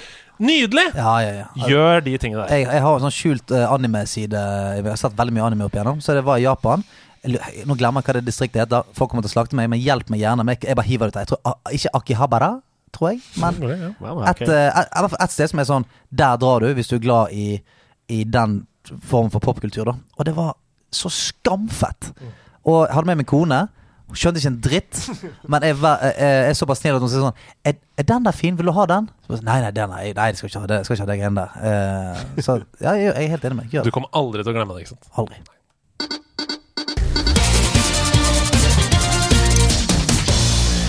Og grønnsakene koker! Vi kjører om det. Mitt navn er Andreas Hedman, og dette her, det er Nerdenytt! Med potetmos på sida. Ja, med potetmos, eller stivelse jobs, som vi kaller det der borte. Rydd for seg. Ridd for seg. Det er Nerdenytt, og vi er tre programledere, som betyr at vi diskuterer alle sakene, vi. Um, også i dag. La du merke til den nye Turtles-aktige nyhetsvignetten? Om jeg gjorde. Ja, deilig. Om jeg gjorde. Dpad har offentliggjort sitt neste spill. For først er det selvfølgelig innenriks. Det er vi alle klar over. Eh, og det har knytta ganske enorme forventninger til det spillet, naturlig nok, for de ga jo ut Owlboy i 2016, som mange mener er tidenes beste norske spill. Deres neste spill det heter Vikings on Trampolines. Og Det er et uh, sideskrålende plattformeventyr der du enten alene eller sammen med opptil tre andre, da, enten coop uh, lokalt eller online, kan samarbeide deg gjennom baner og bosser mens du spretter rundt på trampoliner. Uh, det ser veldig veldig gøy ut. Det ser ut som Owlboy møter Cuphead, basically. Eh, litt sånn bullet hell innimellom og sånn. Du vet at vi har spilt betaen? Ja, for Ja, det ble ja. først lansert som et uh, betaprosjekt i 2011, dette Mm. spillet. Uh, der konkurrerte man mot venner i en veldig liten arena. Men nå er det jo bygd ut til et stor, omfattende spill og en stor verden. Um, hvor du går fra level til level, liksom. Det for vi fikk, det, vi fikk æren vår å, spille det for en god del år siden. Mm. Og det var, det var Bare det var gøy nok. Altså, Ja, ja, ja. En uh, slags Smash-variant der det er masse trampoliner, så du må hoppe rundt, og så flyr det power-ups. opp. Du må hoppe, double-jumpe, få tak i de, flikke folk utenfor uh, trampolinen. Det var dritgøy. Og nå er det jo den samme mekanikken, bare at du eh, beveger deg fra venstre mot høyre i et plattformunivers, og Mm. plutselig Du vet, i Super Mario World med de derre eh, neshornene som gikk rundt som en Ja, sånn ja, ja. miniboss som du måtte hoppe opp under. Mm. Se for deg at det går en sånn spinning rundt, bare at det er fire trampoliner isteden. Som du må alternere mellom når det er en boss, ikke sant. Sånn. Ja, ja. Ja, gøy.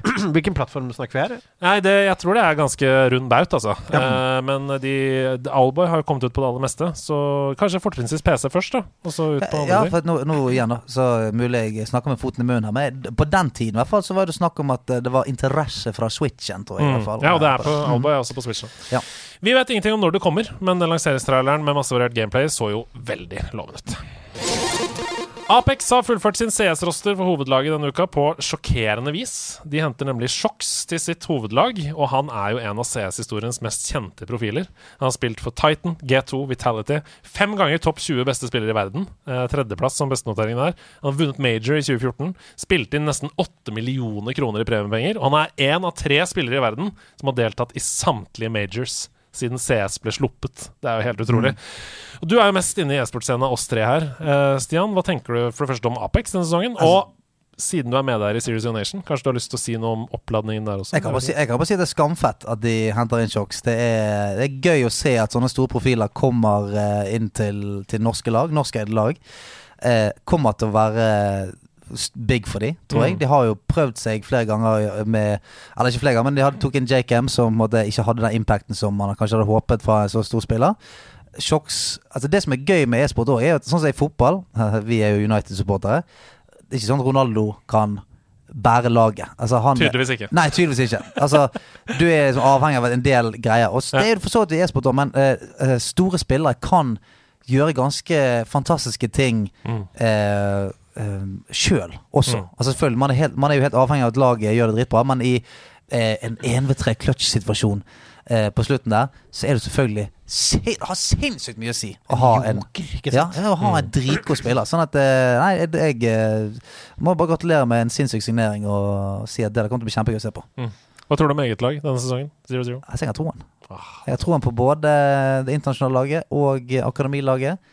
Men eh, det er Altså, det er så gøy å se, for nå er det eh, Igjen e-sport kontra veldig mye annen sport, så er det det at det kan være eh, folk som har spilt i mange lag Veteraner kan på en måte få, få sånn ferten av blod igjen og komme tilbake igjen og gjøre det fett. Og så kommer det dritmange unge folk hele tiden inn overalt. Sånn at det er det er veldig gøy at ikke det er At det, det er ikke noe sånn stillgang i det tilfanget av talenter og, og så videre. Sånn at e-sport i seg sjøl er dritgøy om dagen. Utenriks. Hogwarts Legacy er selvfølgelig utsatt igjen. Nei Det spillet skulle først komme i 2021, så i 2022. Og nå har vi for første gang da fått en reell dato å forholde oss til. De sier 10. februar 2023. Og da er spørsmålet mitt gjør det noe, egentlig? Eh, det er vel greit å vente litt til når vi først har venta så lenge? Er det noe farlig? Altså, det er aldri noe gøy å vente, men hvis du venter på noe godt, så venter man jo som kjent ikke forgjeves. Nei, men nå det, var, det, altså, det er jo Hadde det bare vært det, da, så skulle jeg klart det. Men nå er jo det sånn Jeg må jo vente på alt nå. Ja. Så det, så det er mer den der eh, Når fjerde-femte kommer, så er det sånn Nei! Jeg vil ikke vente mer. Mm. Altså, det er så mye som er flyttet over i, i neste år nå at eh, Ja. Da blir jo sittende med nye WoW Expansion i desember, da. Mm. Eller Å nei, eller Sunderblade, da. Som kan Chronicles 3, hvis du kan. Hvis du kan låne det etter hvert. Men, eh, men, men, men du har også men, det jeg tenker om det, er at vi har snakka mye, eh, mye om det i nederlandslaget, i Sidequest og i sending med crunch-kultur. eh, og i det hele tatt det å pushe spill og Mm. betaer og veldig mye sånt. Da. Så jeg tenker jo som så at det er en grunn til at dette skjer. Fra et markedsperspektiv så tror jeg ikke nødvendigvis det er der strategien ligger. Man, man kan håpe da at man både får liksom et bedre spill, og at det er bedre arbeidsdager for de som lager det. Og man håper at det ligger til grunn. Eh, så er det jo bra for alle involverte, på en måte. At eh, det kommer et, i et helstøpt produkt. Yes. Jeg elsker jo, som veldig mange andre, Cards Against Humanity. Og De gikk ut på egne nettsider denne uka her med en annonsering som dekker hele nettsiden. Det står hele nettsiden, Og der står det Dear customers living in Alabama, Arizona, Arkansas, Florida, Georgia, Idaho, Indiana, Kentucky, Louisiana, Mississippi, Missouri, North Dakota, Ohio, Oklahoma, South Carolina, South Dakota, Tennessee, Texas, Utah, West Virginia, Wisconsin, and Wyoming. Today we are releasing some new packs, but while the packs were being printed, the Supreme Court overturned Roe versus Wade. For de som ikke vet det, så er det den veldig kontroversielle abortavgjørelsen i USA. And your state, av de vi har lest opp nå, immediately turned itself into a dystopian forced birth hellscape. So we are donating 100% of profits from orders to your nightmare state to the National Network of Abortion Funds. Plus $100,000 right now to help the people most fucked over by the Republicans in your state. We don't need your money. De er så rasende, og det er så forfriskende å se et selskap snakke på den måten og ta et så veldig tydelig sanspunkt, fordi det hører man jo aldri. Nei, nei, Nederst på siden så er det Q&A. Og der er står det blant annet Det står blant annet Are you only donating your profits from the new packs? Så står det No, for the foreseeable future We're donating 100% of the profits From all of the products on our web store If the order is going to a Republican forced birth hellhole Dette her er musikk i mine ører. Altså sånn, Man kan si dette løser kanskje ikke problemet, men den slags tydelige standpunkter mot sånn uh, middelaldersk Ja, kvinnefiendtlig tenkning er kanskje flere selskaper som burde ta en aldri så liten kikk på og kalle en eh, spade for en spade her. Det går jo faen ikke an. Jeg liker det neste svaret på Q&A-en det. Synes jeg ligger det veldig godt. Ja, jeg tok det egentlig ut av eh, Men eh, det står her Why don't you shut up and stick to writing card games? Fordi det er jo sånn Ikke bli politiker, Ja, ja. liksom. Da svarer de bare Why don't you stick to fingering your asshole? While watching While watching the Home Shopping Network. altså, dette her Og så må man jo altså, Selvfølgelig, selvfølgelig det, er jo en, det er jo en majoritet selvfølgelig som sørger for at disse tingene skjer, og alle som bor i disse statene, er jo selvfølgelig ikke rasshøl. Men det er viktig, altså, viktig at kritikken liksom ikke favner alle der. Men, men Men det er, det, det er noe òg om at hvis du drar det så langt, så er det plutselig greit igjen. Ja, ja, ja. For hvis, du, hvis, du, hvis du holder tilbake igjen, så da, da kan du fort liksom treffe på den. og Skal, å, skal dere også bli politiske nå, liksom? Men drar du det her, da er det faen meg null tvil. jeg vil bare ha det fra alle Jeg vil ha det fra alle selskaper nå. Som alle gjør det. Så er det sånn, sånn, liksom sånn Why don't you stick to making shoes? Why don't you go fuck yourself? Ja, ja. Gode, gode gamle. Du, hvorfor, eh, hvorfor har ikke dere klart å samarbeide med Altibox å få en ny avtale, da? Hva med at du bare går og suger deg sjøl? Tror du det er Ja, det som gjør at TV2 og Altibox ikke er enig? Ja. Fordi hver er jo TV2 sånn Ok, greit, vi kan prøve å finne et kompromiss her, liksom. Kan ikke dere bare fingre dere i ræva? Ja, ja. eh, Altibox? Ja, ja. Jeg håper det er en. Det er ny, eh, det er ny sjargong ah, ute. Blir en liten explicit mark på denne episoden. Ja, Altså, men la meg bare si at til den som skriver de pressemeldingene Du får jobb i nærlandslaget. Bare søke. Skyrim lever fortsatt i beste velgående, bl.a. pga. et ivrig og nydelig modding-community. Og Denne uka her så ble det sluppet en helt nydelig mod til spillet. Den heter Shadow of Skyrim, og den spiller på Shadow of Mordor. Og Shadow of War-spillene, som du og jeg har snakka om i Sidequest. Stemmer. Modden er genial, fordi den gjør nesten alle fiender som dreper deg i spillet, til en nemesis. I Skyrim. Så det kan være alt fra en mudcrab som dreper deg, til en drage. Men det som skjer, da, er at når den dreper deg, så blir fienden tildelt et navn. For eksempel hvis det er en mudcrab, så bare Marcos Mudcrab. Marcus en gang.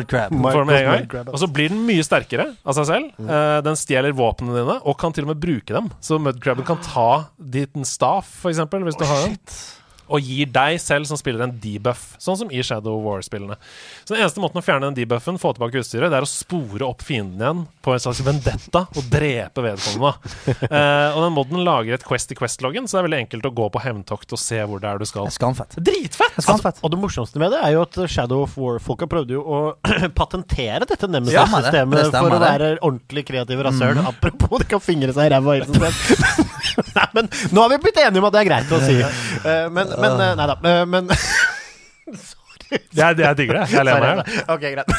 Men, Han ler på men, innsiden. men dette her er jo en måte Dette her er jo en måte å gi de en liten uh, Pekefinger, ja. Ja. Absolutt. Og ikke minst også eh, d- si Altså holde spillet levende.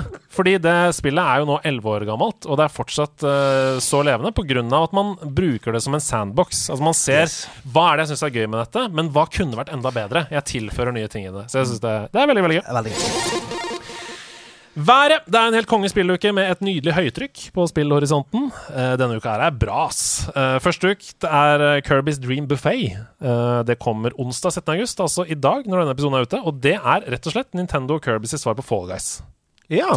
Det handler om å samle flest mulig jordbær, knocke ut andre spillere av banene i mange forskjellige moduser og minispill. Da. Eh, du kan spille coop lokalt eller online mot andre. Eh, det er Battle Royale, det er forskjellige typer spill her. Jeg er litt bekymra for mengden ulike spill, for det har jo vært Fall Guys sin store styrke, og det var Fall Guys sin svakhet i starten, at det var for få ting. Men de har liksom lagt inn nye spill, og derfor så lever de jo i beste velgående nå. Og Nintendo har jo ikke for vane å gjøre det. Det fins nesten ikke delelse til Nintendo-spill. Så jeg syns det ser gøy ut. Jeg skal absolutt teste det, men det er en liten sånn Det er liksom Ja, det er på en måte fra Altså Kom deg i mål, eller altså, sånn som Fall Guys, det er masse forskjellige greier. Og så er det jo Battle Royale med sånn 50-40 folk. Ja, liksom. og så er det jo Kirby-wise. da Så du kan f.eks. mens du løper gjennom et brett, så kan du eh, kopiere egenskapene til noen som gjør at du får en svær hammer, eller du kan kopiere noen sånn at, du, ikke sant? sånn at man kan få power-ups og knocke hverandre ut og sånn. Og så er det jo spennende. Det er det jeg har savnet hele Ja, det er det du savner! Ja, ja. Ja, fordi det, dette er jo noe Nintendo Altså Nintendo pleier jo ikke å launche sånne ting med, med gode karakterer uten at de har noe i ermet som Nei, gjør det bra. det er sant. Ja. Det er sant, det er sant, Jeg tror det det kan gjøre det. Of Midgar kommer onsdag 17. august også. Samarbeidsfokusert survival-spill med vikinger. Der hvor én til ti spillere jobber sammen om å lage utstyr og bygge baser. Eh, det høres ut som Valheim-fans. Altså, Og- nei, det høres ut som Valheim. det er det, ja. Altså, da jeg, da jeg leste det beskrivelsen, så bare sånn Det kom, det kom jo, det. Det kom jo nettopp. Da kan vi avsløre at vi har laget Valheim igjen. Ja. Så gleder, du deg til det? Ja. Tja, hvis du likte Valheim, så Ja, Du bør like Valheim. Ja. Men det ser veldig kult ut, syns jeg. Uh, Blossom Tales 2, The Minotaur Prince, det er noe for deg, Seb. Dette er et fargerikt og veldig tydelig Zelda-inspirert top down 2D-eventyr. Oi. Med retrografikk. Det ser søtt ut, det ser gøy ut, og spesielt for fans av sjangeren. Det er masse vennlig nikk til A Link to the Past, blant annet. Er det én ting jeg liker, så er det vennlig li nikk til A Link to the Past. Når er det det kommer, sa du? Det kommer også denne uka her, og det er vel onsdag det òg, tenker jeg. Jeg er litt usikker. Men det kommer denne uka her. Så. Ja, Hvis det kommer tidlig på onsdag, så kan man kanskje laste ned og ha det på Switchen eller noe sånt. Da vet du når du skal til Arendal. For eksempel Dette spillet her var jeg litt sånn skeptisk til, men etter hvert som jeg har sett mer på det, så har jeg blitt veldig gira. Rollerdrome heter det. Og i utgangspunktet tenkte jeg sånn rollerblade-spill, det har jeg prøvd før, det har aldri vært noe gøy. Men dette er altså selvshada, fremtidsaktig rollerblade-spill, der du freser rundt i veldig, veldig kule, pene omgivelser, og så skyter du folk ja. på rollerblades. Det blir mye morsommere. Ja, ja, ja, du er gal. Og så er det Hotline Miami-soundtrack. Mens du skyter. Du, er det noen som har sett uh, traileren på dette nye spillet som er i, uh, i development nå? Den der uh, Rat with a gun, eller hva det er for noe? det ser gøy Nei. Hæ? Nei. Det er helt, helt sykt. Du er, jeg tror du er en rotte eller et eller annet. Ja. Og så eh, går du ut med eh, skytevåpen, og de er, de er life size, mens rotten er òg sin size. da Ja. Sånn at eh, du bare er en liten rotte med et gigantisk maskingevær, så du bruker også rekylen for å komme deg rundt. Så hvis du har lyst til å komme deg. Så hvis du har lyst til å komme deg oppover, så skyter du bare nedover. Så, så, så, så flyr du bare oppover. Så, 3D eller 2D? Eh, nei, tre, full 3D, ja. Altså, altså physics game, da? Ja, ja, ja. Nei, det, du, det er ikke Altså, eh, det var veldig gøy, for på nettsiden så står det eh, De to som utvikler spillet, det er eh, Squirrel with a gun heter det. Squirrel with a gun. Gun. Ja. Stemmer. Så på, på nettsiden så er det kun to developers. Det er Squirrel og Gun. Så det er veldig gøy. Men det ser veldig, det ser veldig gøy ut. Men er Roller Drome, altså. Uh, Selvshada fremtid, rollerblades, skyte folk med granater og dodge ting. Det ser konge ut. Er det Arcady, eller? Ja, Arcady, absolutt. Thymesia, eller Thymesia, vet du hvordan, vet hvordan det heter? torsdag 18. august. Vanskelig action-RPG med fast-paced gameplay og digg våpensystem. Ser ut som Bloodborne møter Doom. Ja, veldig.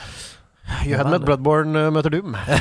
Sier du bare Bloodborne for å prøve å trigge meg til å spille? Nei. Det, det, altså, omgivelsene så veldig sånn ut. Og så eh, akkurat det derre 'nå skal jeg slå deg, nå skal jeg dodge' var litt mer fast-paced. Derfor Ja. så Doom, ikke sant? For det, det ser ut. Kan jeg, før du sier det siste, kan jeg komme med en liten bowler på, på, inn på siden der? Av, av en glemt muligens-perle. For de har jo kommet seg hele veien fra Early Access og nå til ekte launch. Det er jo TemTem.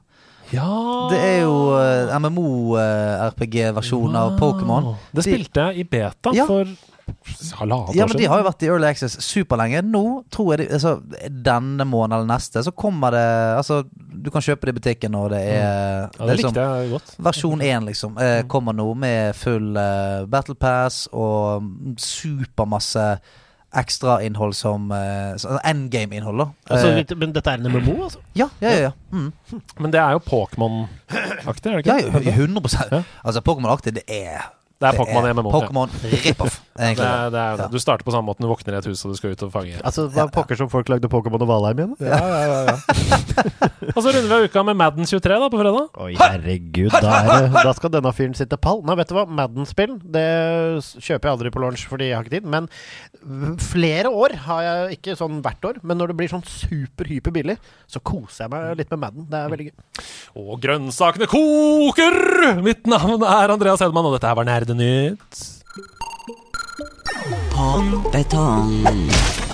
Å ja, du! Den nye spalten Pong Betong, der hvor Ida Horpestad har sagt at vi må smelle hodene våre i en betongvegg. oh, ja, ja. Dersom vi ikke klarer uh, Questen, da. Ja. Og Questen det er jo at eh, en av oss har forberedt et tema, der hvor de to andre uh, alternerer mellom å si en ting innenfor det temaet. Vi har hatt Pokémon, vi har hatt karakterer fra Nintendo-universet, Uh, og jeg har forberedt en liten Pong Betong denne uka her, eh, som dere skal ut i krigen mot. Og vi har fått litt kritikk på, fra bakrommet av at spalten går for fort.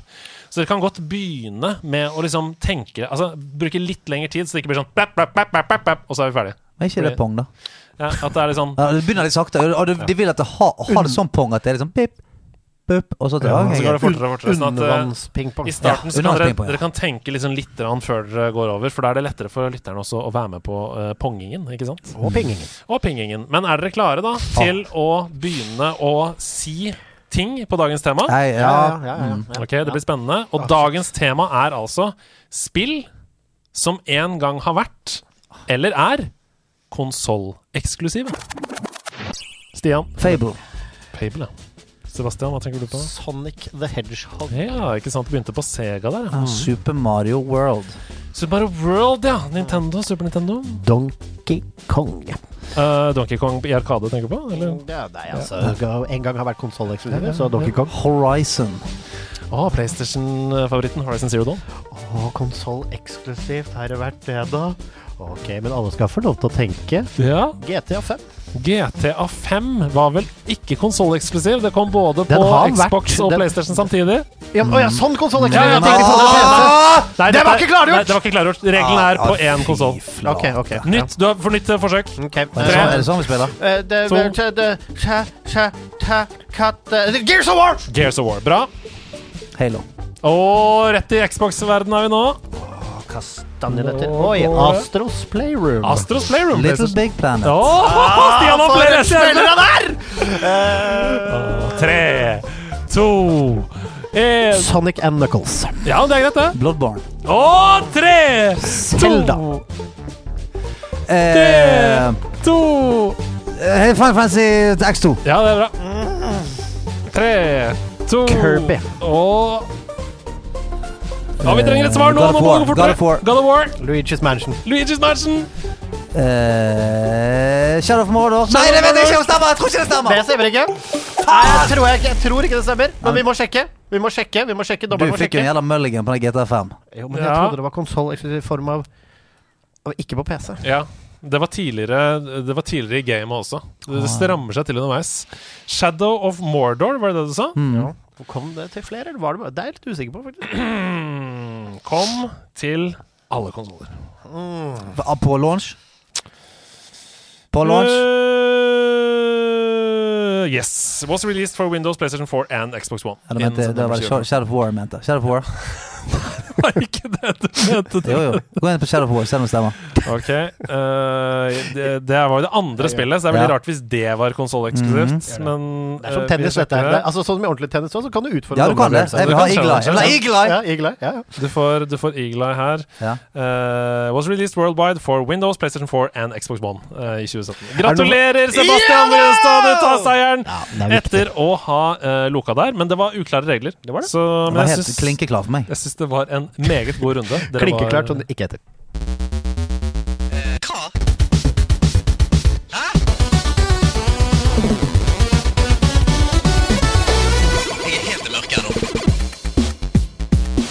Jeg er helt i mørket her. Bit for bit er tilbake! Det er et helt fantastisk uh, show! Det er fantastisk show! Om det er fantastisk show, Ja, ja, ja. ja, Ja, Bit for ja, ja. bit. Norges beste gameshow. Altså Som Beat for beat, det ekte programmet, også, som det ikke er basert på på noen som helst måte, Nei, nei, nei. men Nei, det, også blir kjørt litt av og til. Og så kommer det med sterkt comeback! Ja. Ja, ja, kan, jeg, kan, jeg få, kan jeg få lov til å dele eh, en setning som ble sagt under vårt eh, planleggingsmøte for noen uker siden? Ja. Da Ida med, husker, Jeg vet ikke om dere husker at Ida Hobbestad eh, lurte på om vi skulle kalle det for Beat for beat. Ja. Det er helt fantastisk. Kan vi ikke heller bare kalle det bit for bit? Det er sånn. Altså, uh, ja Jeg tror det fins. Ja. Og det er litt av Derfor er heter Bit for bit. Altså ja. og derfor er hun den første som blir ofret til gudene, ikke sant? Det er Men jeg må si noe veldig gøy. Ja. Og det er at det er Martin Herfjord som lager Bit for bit denne sesongen. Eh, og han har gjort sånn at jeg også kan være med. Det er Oi! For han har skjult fasiten. Hvor hen, da? I et PDF. Altså det, er, det ligger tre PDF-er på skrivebordet mitt her. Ja. En, to og tre. Jeg har Oi. ikke åpna dem. Jeg har ikke sett på dem. Ah, jeg vet ikke hva svaret er. Luddig. Men Så- hvordan vet vi om noen klarer det på første bit? Nei, det vet vi jo ikke, da. Dere, ja, sant det. Det må jo da selvfølgelig eh, Ja, det er et godt poeng. Ikke sant? Så Da må vi eventuelt ha en fjerdeperson som kan vite hva det er, i tilfelle noen klarer det på første bit. Da har så er vi Men, på hvis du lokker inn ditt svar på første bit, og Det- så går vi videre Ja, fordi det går jo an. Altså, Det man kan, går jo an, man kan ja. lokke Det kan vi gjøre. Vi svar kan lokke, vi kan lokke inn svaret. For da er det jo litt ris- det er, det er ri- risky business. Det er også, risky. Ja, det er business. Her kommer første oppgave, første ledd. Ja. Er dere klare? Det er kun bass dere skal få høre.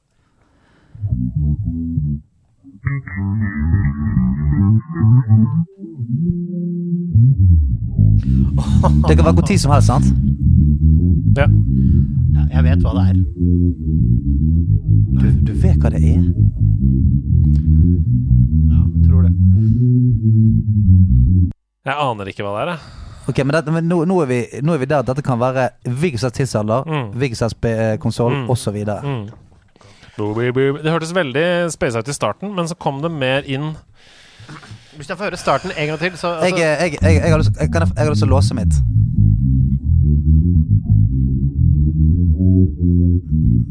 Stian, Ja. jeg låser inn Fall Guys. Du låser Fall Guys, ja. Ja. Ok. Ja, jeg låser uh, Skal Jeg skal du låse? låser Ja. Ja. Nei, jeg skal ikke låse. Jeg skal ikke låse. Jeg skal ikke låse, jeg skal ha et ledd til. Okay. Mm. Jeg tror, vet du hva, Hvis du, er- du føler Fall Guys såpass hardt, så tror jeg Vet du hva, jeg tør ikke å låse. Nei, vi tar et ledd til. Ok.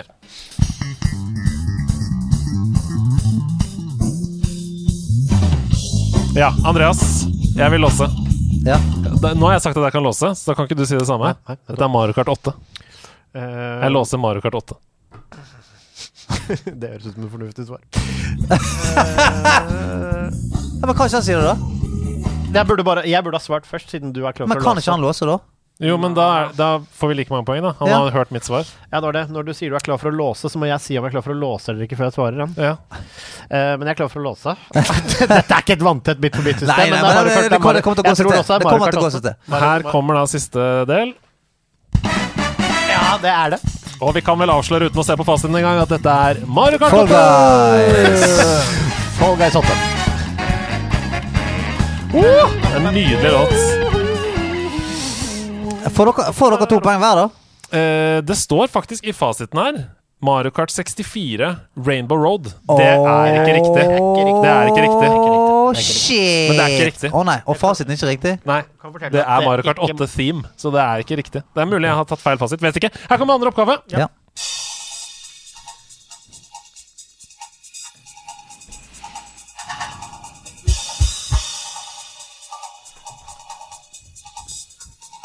Dette er bra.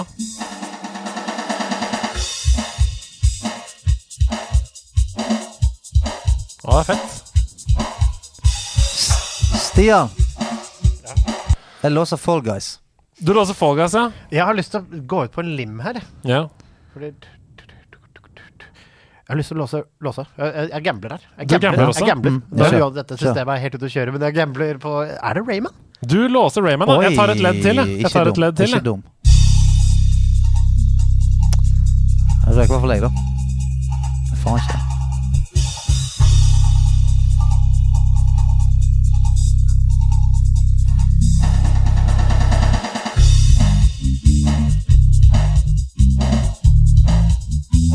Sliter. Jeg sliter. Ble Nett mye mer usikker, men vi er jo låst. Jeg, jeg får, klarer ikke heller, så jeg tar et ledd til Ja, kjør. kjør. Andreas.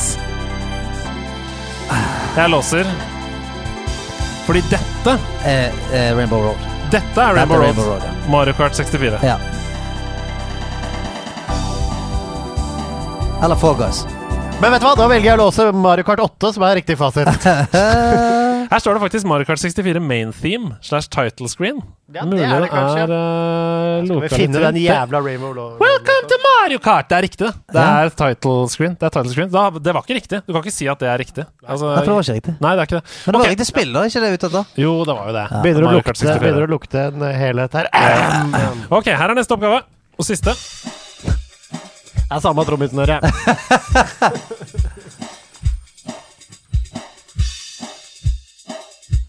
Det blir jo for dumt å si Fall Guys en gang til, ikke det? Nei, nei, nei. nei. Hat trick. Han må treffe til slutt. I løpet av sesongen, tenker du på? Ja, ja, det løpet av sesongen. Hvis du beholder på han. Jeg bare låser Mario Kart double dash, jeg. bare fordi jeg ja, føler at det er et Mario Kart-tema her. Eller kanskje det er Mario Kart, dette også? Jeg skal holde jeg, eh, Du har låst, du. Nei. Hæ? Ok, da. Jeg har låst. Jeg har lyst til å høre med, jeg. Jeg går for Mario Kart 64. Ja. Hva gjør du da? Nei, jeg skal høre med. Og du skal høre mer? Jeg skal ja? Ok, med. her er neste Smart. Samme bassisten også. Er det det? Jeg vet hvilken Ja, bane det er, til og med. Bang, bang. Bang, bang. Det er Van Halen, det. Creed, With arms wide open.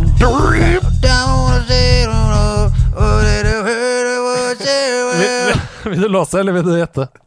Eller vil du ha mer? Keiino på slutten. Eh, ja. Jeg kan bare si at jeg vet hva det er. Ja, ja, ja, ja. Jeg låser Mm. Mario Kart 64. uh, Mario Kart 64. Ja. Hvilken bane? Nei, det sier konkurrenten. Dette her? Er spill. Dette her er jo Peach Circuit, dette. Ja. Eh, nå har vi alle låst, så da kan jeg si at jeg tror det er Rainbow Road eh, på Mario Kart 64 før siste Og det er det. Ok. Det er title screen igjen, det.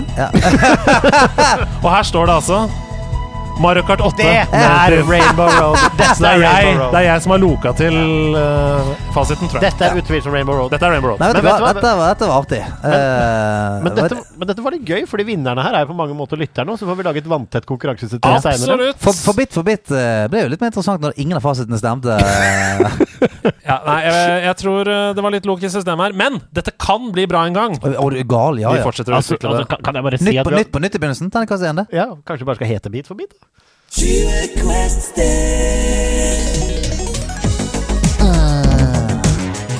20 Quest Steps, baby. Hva blir denne spalten her hetende, egentlig? Altså, det er en banger av en jingle. Og, Ja, ja. og Are you, are you ready to go the distance? ja, Jeg lurer fortsatt på hva den heter. Hva heter den, Andreas? Den heter Nei, det er deilig. Det er så deilig å kunne peke på en fyr, og så bare får du svaret Ja, digitalt. ja, det er så Eh, deilig. Sånn DJ Hemsedal som vi snakka om sist. Det var sånn det føles. Ok, I 20 Quest Steps så er det sånn at dere to må slå hodene deres Nei, du har forberedt!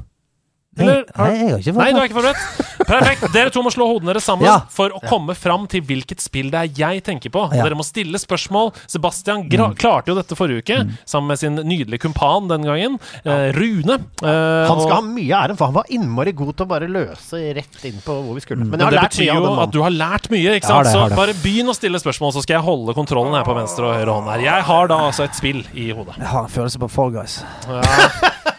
Ok. Ok, så vi begynner helt der. Ja. Greit. Eh, er dette best å spille med håndkontroll? Nei. Okay. Oi, så vi er på PC? Ja, vi kan ikke det. Ja, 99 sikkert. da. Greit. Um, Jeg tipper vi er på FPS eller RTS. det vi kan finne ut av, er årstall. Det sier jo ofte noe. Altså sånn, kom, det, kom det etter 2000 eller før Ja, sånn, 2000? Ok, på en måte? prøv, prøv. Kom det etter år 2000? Nei. Aha. Eh, er det eh, militær schwung over det? Nei. Ok. Eh, er det et singleplayer-spill? Eh, Vet du hvilket spill det er? nei, det er ikke det. Nei, det er, Nei. nei, det, nei, det er ikke det. Å nei. det. Dette, det går ikke an å spille dette alene. Da har du det veldig kjedelig. Ok, greit. Oi, shit. Nei, men militær schwung eh, da, Altså, jeg bare var, sånn Med en gang tenkte jeg sånn Men nei, Worms går det an å spille alene. Ja, ja. Ja. Det er militær schwung over Worms, vet du. ja, det er det. Og, og eh, Red Alert og, Ja, ja, og mye swung. skyting. Men det er ikke noe bra å spille med håndkontroll. Er det et eh, gåtebasert spill? Nei. Ja, dette, er en, dette er et online-spill, da, ikke sant? Altså, det er, et, Ikke- eller, er det et, on, er det et online-spill? Nei! Oi! Men det er Eller viktig. det kan være det. Men Men det i, i, i sin originale form, nei. I sin originale form. Før år 2000. Vi spiller det ikke med håndkonvent. Har vi barndomsminner med det? Ja! Ok. Ja, ja, ja. Ok, Ok, skal vi Altså, skal vi Altså, det går an å spille alene, men det er best å spille det sammen med folk. Er det slåssing i dette spillet? Jeg jeg vil si at det går ikke an å spille alene. Da, Går- da har du det ikke Ja, for jeg tenkte, da. på, jeg tenkte på Duck Hunt, at det var noen sånn tullekontroller. Ja, sånn, ja. ja. Nå spurte du om slåssing. ja. Nei, men det kan oppstå etter eller underveis. Ok. Er Eh, det folk? nei ha, ha. Handler det om å bygge, bygge og drifte en familie? Nei. Oi, shit. Faen, ok, greit. Ah, trodde jeg det hadde. Sims, ja, ikke sant? Men Ja, ja, ja, men, ja ok. Uh, det, det, det kan oppstå slåssing underveis. Ja, vi, og, det er under ikke det noe, rette å f- ja. og det er ikke noe gøy å spille alene. Aha. Det er før år 2000. Barndomsminner. Og man spiller det ikke med kontroll. Så man må spille lokalt. Og det er ikke online, så man spiller dette sammen lokalt. Den resonneringen er så nydelig for meg. Jeg elsker den er, resonneringen. er er det i det hele tatt et digitalt spill? Nei. Boom! Der har vi den, sant? Der er vi. Der har vi. Der er vi der. Ikke sant? Og før 2000. Og det kan oppstå slåssing underveis. Er altså Hvilket spill Det- det er man ikke med risk i mest hvert fall, for det er militær schwung. Ja, det er militær schwung, ja. Det er militær schwung. Mm, Har det, har det finansiell schwung? Ja. Er det Monopol?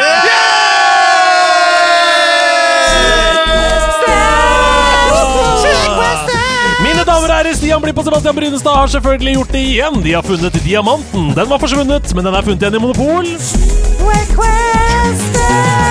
Oi, oi, oi, for en seier av Ja, fy dimensjoner. Det flate. er utrolig bra jobba. Om det er best å spille med håndkontroll, sier du?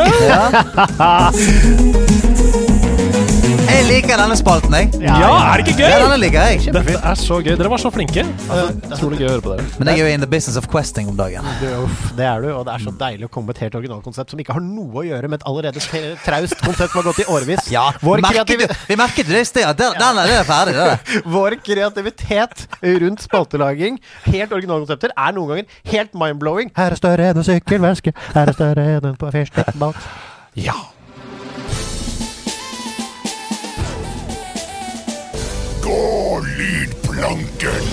Oh yes, Sebastian Brunestad og Stian Blipp skal ut på hver sin plankebit for å hoppe ut i musikkmyra. Og det er Sebtastic som selvfølgelig har forberedt spalten til oss. Eh, Den nydelige mannen som lagde noen fantastiske sommerspesial eh, gårdlydplankespalter.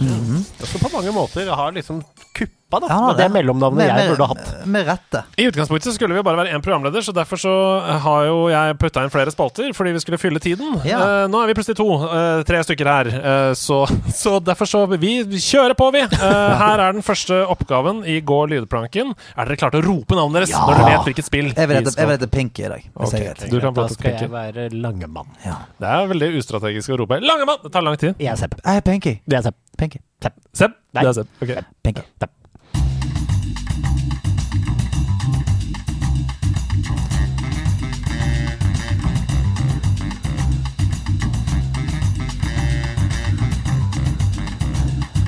Å,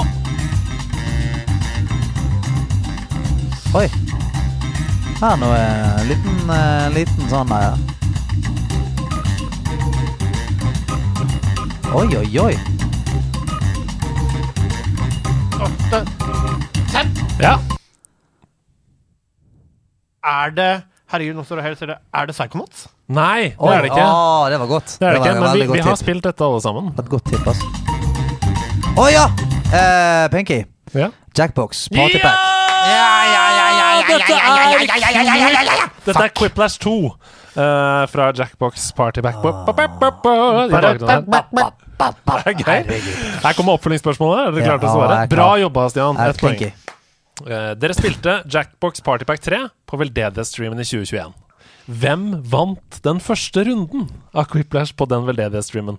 Og deltakerne de var KP, Hasse Hope, Marta Leivestad, Emsia, Ida Dorthea Horpestad og Andreas Hedman. Hvem vant den første runden av Quiplash Eh. Der må vi bare gå for et svar og låse inn, da. Ja. Uh, uh, si, kjapt, kjapt oppsummering. KP, Hasse Hope, Marta Leivestad, Emsia, Ida Dorthea Horpestad, Andreas Hedman. Leivestad. Ja, fordi jeg tror Ida hadde vunnet en grått, men jeg tipper Andreas Hedman. Du tipper Andreas Hedman, og riktig svar er Andreas Hedman! Ja! Som vant den første! Så det betyr at det er 1-1. Det er helt utrolig. Her kommer neste oppgave.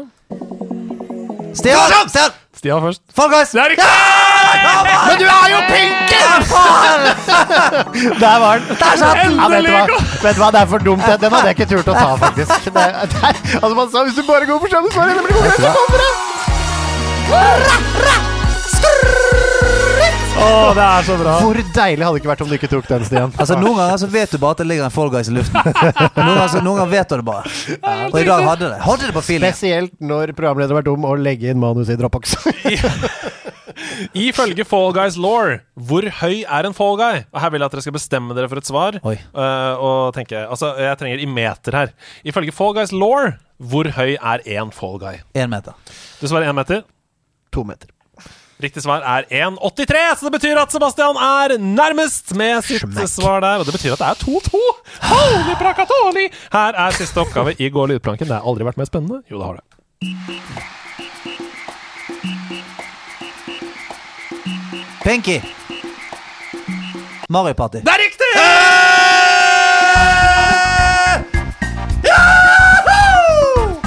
Altså, nå, nå er du sterk. Ok, hva, Hvor mange brett har det originale Mario Party? Oi, mange brett, ja. Hvor mange brett har det originale Mario Party? Altså Hvor mange forskjellige brett kan man spille på i Mario Party 1? Jeg har et svar å låse inn, jeg. Ja, du har bestemt det? Mm. Hva har du låst, Pinky? Pinky har uh, låst inn uh, fire. Jeg har fem. Du har fem, ja. Det riktige svaret er ni brett. Så vil si Åh, at er Sebastian er nærmest! og det er helt likt! Det er helt likt! Det betyr at hva er fellesnevneren mellom disse tre spillene? Altså- Hva er fellesnevneren? Lås inn svaret hvis du er sikker. Ja, ja, ja. Hva er ditt spill? Det ditt er et, uh, et konkurrerende minigamespill. Hva er ditt? Ja. Er, låser Ja, det er, ja, det er nøyaktig det samme. Det er et uh, spill med spill et multiplayer-spill bestående av mange minispill. Ja, vi, det er nyanser her. Okay. Fordi det er likt, så vi trenger at én er okay, vent litt. kommer nærmest Ja, vent litt. det som Sebtastic har laget som tema. Han har skrevet det. Samt, for det, er Fall Guys, Mario Party og Og um, yeah, Jackbox Partyback. Det er best å spille med venner! Ja. Ja, altså, det er, det er jo Det er jo et uh, online multiplayer competitivt spill bestående av flere minispill. Nei, det må være Det er en sjanger som heter dette. Party games. Ja, det er Det er helt party riktig! games! Det er party games! Det er party games! Og Altså, her, altså, det er en det er, det er, altså, Dette følte jeg hadde svaret på veldig. Det er ikke den, det er ikke den klareste serien jeg har sett, men det er greit, Stian. Det er altså, det er greit. Man, må, man må ha liksom terminologien inne. Ja, man må det! Gratulerer, Termino, Sebastian! altså, terminologien! Sebastian, du må ut Ja, og greit. gå Jeg skal, jeg skal gå den lydplanken, jeg. Men akkurat det der syns jeg hadde greie på. Det er sjelden jeg blir spist av nøkken. Her er sverdet mitt! Jeg føler meg urettferdig behandlet! Veldig, veldig bra. Veldig, veldig bra. Ja, du! En fusjon mellom gammelt og nytt Ja, ja. i Ja, ja. på korktavla vår. Og det har en time spørsmål denne uka også. Hva tenker dere om at spillselskaper legger ut trailere for spill lenge før de gis ut, sier Tjollis. Nei, altså det er jo en, skaper jo en hype. Og så, altså det jeg syns, er at når du legger ut spilltrailer før du har proof of concept, nesten, så syns jeg kanskje det blir litt sånn Ja, OK. Eh, men jeg skjønner det jo litt, fordi jeg tror det er litt sånn i en sånn finansiell verden og i forhold til å se liksom Gi la annonsører eller investorer og sånn se hva slags hype det skaper og sånn. Så det kan hende at det er noe økonomisk bak det. Sånn fra et gameplay-perspektiv så er det jo kanskje litt verdiløst, men hvis det er trygge og gode IP-er som du vet kommer til å levere, så er det jo hype. Ja, men jeg, jeg liker det, for jeg, jeg liker å glede meg til noe. Selvfølgelig, jeg blir jo skuffet av og til, men jeg liker følelsen av å glede meg til noe. Og hadde noe altså, det, det er, Jeg syns det er kjekkere å glede seg. Å faen, i, På fredag kommer det spillet ut jeg gleder meg til, enn sånn Du, for et par dager siden så kom det ut et spill, det må du sjekke ut. Jeg liker følelsen av å glede meg. Så jeg eh, Ja, men ser jeg én trailer til for Beyond Good and Evil nå, så kan det være sånn en sånn Ja, Sjekk ut dette. Altså, det, noen ganger så bare går det for langt. Det er, Ja, jeg vet. noen ganger så blir jeg irritert av det, fordi Ja, ja. jeg liker å glede meg, men jeg liker ikke å glede meg til luftslott. Nei, og, og, så, er det- og det er alltid sånn De har ikke gitt seg helt ennå. Ja, Å nei da. Ikke helt. Nei, men Jeg er helt enig. Jeg elsker at det å dra på ferie, f.eks. Reisen begynner lenge før jeg drar. da Mm. Jeg liker å se på steder jeg kan dra til, og s- lese meg opp på severdigheter og sånn. Jeg koser meg veldig med det i forkant. Mm. Men GTA 5 som dårlig eksempel. Det kom tre år, de første trailerne, før vi fikk spillet. Ja, det er for lenge. Ja, det er litt, det er litt, det er litt voldsomt. For lenge. Det er litt voldsomt. Andreas, det er mange gaminghoder i Norges land. Hvordan kan flere gjøre hobby om til levebrød? spør Andreas oss. Mm. Nei, altså Det er jo et vanskelig spørsmål. Ja, Eh, men men, det- men jeg kan, jeg kan bare gi et par eksempler. da Altså sånn Det som er digg med spillmedia, er jo at det er insane mange jobber. Eh, det, du kan enten formidle det, du kan drive med det, du kan lage musikk til det, du kan tegne til det, du kan være eh, drive eh, markedsavdelingen Mm. til, eh, til spill, du kan være eh, event, Revisor? Revisor, du kan være eh, eventansvarlig, du kan være den som illustrerer Altså det er, så, det er så veldig mye, så jeg, jeg tror det kommer litt an på hva er det du Altså, ok, ja, du liker spill, men hva, hva liker du som, som du kan bringe med deg inn til det? Ja, så jeg tror jeg det er vel en sånn regel i alt du gjør til levebrød, at du må ha en, du må ha en reell passion for det, og Mm. tid til det, på en måte. Sånn sette, Hvis man skal gjøre det som en bi, altså som levebrød, da blir du plutselig altoppslukende, og det Ja. tror jeg, da tror jeg du skal Altså Ikke nødvendigvis oppfordret til å slutte dagjobben for å sitte og kode hjemme, men kanskje, hvis du er dritgod på det og har en god idé. Men altså, det er jo som alt annet, da. Du må jo bare jobbe på. Alt blir jo Selv en episode av Nederlandslaget som er kjempegøy og sånn. Det ligger jo timer med jobbing bak alt som ikke er så veldig gøy òg, ikke sant? Som jeg tror også man bare skal ta høyde for. Ja, og, og den der eh, Jeg liker fotball, hvordan kan jeg jobbe med det? Så er sånn, ja, det spørs. Liker du å spille fotball? Liker du å være manager? Liker du Altså, hva, Hvilken del av det er det du egentlig liker, og som du kunne tenkt deg å, å bidra med? Og Det samme tenker jeg med, med gaming eller uh, all nerdighet. Ok, jeg liker den tingen der, men hvilken del av det kunne tenkt meg å, å jobbe Mm, med, og hva har jeg som jeg kan bringe Og, til? og hvordan er mitt talent på det da i forhold til å være konkurransedyktig mot det som allerede eksisterer? Ja. Og det er veldig få som kan leve av å bare spille spill. Det er det veldig få som kan. Ja, ja. Men hvis du har lyst til å se om du kan leve av det, begynn å streame, da. Ja, Og så må må du tåle, tåle den tiden det tar. Ja, Så må du bare streame på fritiden din veldig lenge. Ja. Bruk tid og spill. Ok, Uh, Vegard spør hvem i nederlandslaggjengen er dårligst taper. Og her kommer du til å bruke mitt eksempel med Mario Party fra LAN på Hvaler. ja, så svaret er Andreas Hedemann. Next. jeg- Jeg er ikke helt enig i det. Next. At jeg er dårligst taper. For jeg, jeg, jeg kan være veldig dårlig taper. Det kan jeg absolutt være. Altså. Ja, det kan jeg. Men hvem er dårligst alltid, liksom? Ja, men det er et eller annet med sånn Det er forskjellige, forskjellige valører av dårlig taping her. Taper Ja. her. For jeg kan, jeg kan bli litt sånn Jeg kan bli litt sur. Ja. Mens du, du kan bli litt furt. Så jeg var jo dårlig taper for bare, noen- bare noen sekunder Jeg tror alle er veldig kompetitive. Ja, ja for Eh, Ida er dårlig taper. ja. Hasse er kanskje en av de bedre taperne, kanskje? Jeg kan si at det handler om mine egne forventninger. Hvis det er Mm. noe som jeg i utgangspunktet bør være veldig god i, så ble jeg dårlig taper. Heartstone, for eksempel. Da kan jeg bli veldig dårlig taper. Ja. For det dårligste taperøyeblikket jeg har opplevd med noen i, dette, i, dette, i denne redaksjonen, så er det jo absolutt på LAN, LAN mine i, på Hvaler, hvor Andreas Hedman og Ida Horpestad setter seg med en gjeng og skal spille Mario Party. Det går traust for Andreas Hedman, og Mm. altså maken til syrlig og muggen Ja og sur fyr. Det er en Og så prøvde vært han fem-seks ganger i nederlandslaget. Ja. og det topper seg til slutt, hvor vi har ikke noe dårlig tid. Plutselig så må han liksom fikse noe bak scenen, så lurer på om jeg kan ta over når det går sånn Å dårligst. ja. Så- Men, ja. men jeg måtte, da måtte jeg faktisk fikse noe. Sure. Jeg måtte det. Vi hadde ikke lyd på. Altså, du sto bak scenen og rista i stoler og funksjonærer, var det du gjorde. Så furtet baki der. Åh, hva andre spørsmål er det her? Det har kommet masse spørsmål. Mm. Uh, hvordan oppdra barn til å ha et sunt forhold til gaming? Det kan jo fort bli altoppslukende for dem, spør An Anne. Mm. Det er vel sånn med alt, absolutt alt med måte, liksom. Det er Pass på at man får inn uh, flere inntrykk. Det, man stopper jo det på samme måte som man stopper kids fra å spise sjokolade, liksom. Det er ikke kjøp sjokolade! Men samtidig så er jo spilling noe som er communitybyggende, og det er noe du driver med. Men det der, altså det begynner jo å komme en del forskning på det. Hva er bra? Og du kan liksom oppleve Får barna overskudd av det de spiller? Er det liksom konstruktivt og positivt? Og ikke gå på bekostning av andre viktige ting i livet. Så altså, Det er vanskelig å liksom si noe, fas, uh, si noe fasit på det, men det må vel være som alt annet at liksom Sjekk kompetente tanker om det fra folk som har peiling på det, liksom. Ja, ja. Nei, det, det er vanskelig. Så jeg tror i hvert fall det viktigste Det viktigste man gjør, er jo ikke Altså Jeg har ikke noe sånn særlig data på dette, i og med at det er mine barn sjøl ikke spiller, men man har jo vært barn sjøl. Men det der eh, Alt som ikke er på en måte lov, har man bare lyst til å gjøre mer av. Eh, sånn at eh, hvis det er sånn dette får ikke du lov til, eller slutt å spille så mye. Eh, nei, vi skal ikke hjem nå, for det, eh, da bare spiller dere. Eh, da, da tror jeg det blir sånn at man Ok, nå har, alle, nå har foreldrene mine lagt seg. Nå kan jeg endelig spille uten å få pes. Jeg sitter liksom og spiller fra, fra klokken halv ti til klokken halv tre om kvelden. For det, da kan jeg gjøre det og får ikke kjeft. Eller eh, nå til helgen så skal jeg på overnattingsbesøk til Bjørnaren. Han har ikke de reglene. Da skal jeg faen spille dritten ut av meg sjøl. Så det handler jo om å, å, å, å, å tilby den spilletiden, men, men eh, frihet under ansvar, på en måte. Ja, for det, det altså sånn sjokoladeeksempel som blir litt banalt. For det er jo klart, det finnes jo også den typen spilling hvor man eh, I noen tilfeller da, så overkonsumerer man ting fordi noe mangler, eller Mm. ikke noe er så Mm. bra. Så liksom må kanskje se litt på det òg. Sånn Ja. er det, spiller du med venner her, og ting er gøy og det er lystbetont, så er det jo det én ting. Men hvis det liksom er en sånn isoleringsgreie, og det ikke er noe sosialt, og- og skjønner du hva jeg mener? Ja, ja. At det finnes jo mange nyanser der man må passe på at det liksom kommer fra et positivt sted. Da. Ja, for, for som voksen også. Altså, jeg kontinuerlig liksom, kjenner på den sånn Spiller jeg nå fordi at jeg har lyst til å ikke tenke på uh, shit jeg bør ta tak i? Mm. Eller spiller jeg nå fordi jeg bare sånn "Faen, Jeg er på å spille. Jeg syns jeg har lyst til å gjøre det nå.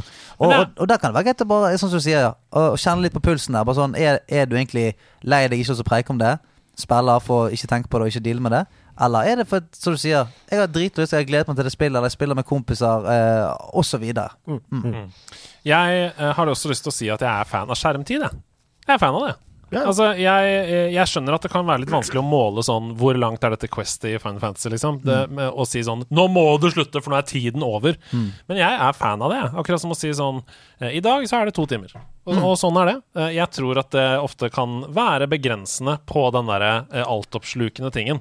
Og at du setter mer pris på det når du først får lov til å game. At nå har jeg to timer, og det har jeg spart opp til, og jeg gleder meg til å spille i to timer. Ja, altså, jeg, jeg leste nettopp en bok om måte, vanedanning og, og sånne ting. som dette. Og det å putte de tingene du må gjøre, alltid, alltid i front av, av spilling, f.eks. At det er sånn Ja, du kan spille. Du kan spille i to-tre timer hvis du vil det, men det, det er eh, det er ikke, ikke før vi har spist middag, ikke før leksene eventuelt er gjort, eller ikke før vi har gjort det vi skal gjøre her, på en måte. da Og så, når du er ferdig med det, så, så kan du spille så mye du vil. Eh, og det tror jeg òg, som på en måte kid da, det føles mye mer sånn Det føles mer fortjent, og det, kan, det kan ikke fjerne òg denne muligheten for liksom hele tiden eh, eh, vende seg mot spillingen som er sånn åh, men da slipper jeg iallfall pes, pes fra liksom folk, og ja, gjemme seg med det. Og så går det an å være fleksibel også på det. ikke sant? Ja, At ja. Noen ganger så er det Nå har du mye å jobbe med på, som du kunne gjøre heller der, og du kan hjelpe til litt med det, eller de kommer på besøk, og da kan du henge litt med det. Og så Noen ganger så er det gjengen skal raide i Destiny. Ja, ja. Da får du seks timer, da. Ja. Liksom. Vi tar et siste et før Kojima-koden. Det er ofte sånn at enten liker du spill generelt, eller så finner du eh, Det er én sjanger, f.eks. en e-sport, som du bare spiller Jeg har nylig falt ned et mørkt hull av fighting games. Jeg kom til å tenke på at jeg tror det er et tema det er snakket om veldig lite i poden. Mm. Eh, Norge og Zero Zero Nation for så vidt har jo en av topp ti spillere i verden. Så har dere noe forhold til fighting games, sånn som Street Fighter, Tekken eller Mortal Kombat? Hilsen Sondre M. Jeg er veldig glad i Mortal Kombat. Det har på en måte vært mitt spill. Også glad i Street Fighter. Er du av de- det? av de Get gamle- over here! Eh, ja, Mortal Kombat, ja. Å, oh, shit. Eh, men eh, men å. Liten Scorpion-referanse der. som jeg pleier å si. Eh, men men Mortal Kombat er på en måte mitt spill, som jeg har blitt god i over hele veien. Men jeg liker også retro Street Fighter. Altså Super Ja. Nintendo er Mm. Men Tekken er jo ditt. Ja, og ja, jeg har spilt eh, Altså, du er så god, du. Du slo meg nesten i blinde. Ikke nesten, jeg slo deg i blinde. Jeg, slo- jeg, jeg slo deg med ryggen til. Skjermen. dårlig taper rir igjen. da vant jeg til slutt. Nei, Nei, vi har jo opptak av det. Jeg Ja. sitter med ryggen til og så- altså, så deg med Nei, Bob. så vant jeg. Nei. Derfor så tenkte jeg ikke å Ah, donere. Jo, jo. Nei, du vant. nei, nei. Det siste vant jeg. Du, du vant med bind for øynene. Nei, du vant med uten å ha lyd, men så snudde du deg rundt, og så var det sånn Hvis du ikke vinner nå, så må du donere 1000 Jeg lover deg, jeg slo deg i blinde. Nei, jeg, jeg, Men, jeg, men om man, kanskje du bare vant en runde, kan det hende, da, i blinde. Det kan være. Jeg, jeg kan vise deg Jeg tror du slo meg da jeg spilte med, med tærne mine. For jeg sier ja! Så reiser jeg meg opp. Jeg har video av det. Å ja. Oh, ja, det var den gangen du spilte bare med å blåse på knappene. Ja, ja. ja, ja. I et annet rom. Nei, men Tekken er ditt spill. ja. Jeg spilte også mye Tekken 3. eh, men siden det så har det blitt lite Det er Streets of Rage i rebooten som jeg koser meg veldig med. Hvis du tenker på fighting Men det er jo beat them up. Ja, det er det. og, Det er- og det er ikke fighting. Jeg har spilt, eh, jeg har spilt mye Jeg har spilt mye fighting-spill. Jeg har spilt uh, Tekken, det er favoritten min. Jeg har spilt uh, Mortal Kombat en del. Jeg har spilt uh, Soul Calibur. Jeg har spilt Dead or Alive. Eh, jeg har spilt masse fighting-spill, og jeg er veldig veldig glad i det. Jeg har spilt uh, Faen heter det da? Injustice har jeg spilt. Mm. Jeg har spilt masse. Altså, jeg spiller jeg bare Snake Edger jeg, i alle spillene. Kun det eneste jeg vil. Det kom inn veldig veldig mange spørsmål denne uka, og det er Ja. fantastisk. Vi sparer en hel haug til neste uke, sånn at dere får det. Og så uh, driver vi hele tiden, som dere hører, og henter opp korktavlespørsmål Ja, som ja, har kommet inn på Discord. Ja, sånn. ja, ja. Så smør dere mot tålmodighet, folkens. Spørsmålet deres kommer til slutt. バラバラに思いつくんですけど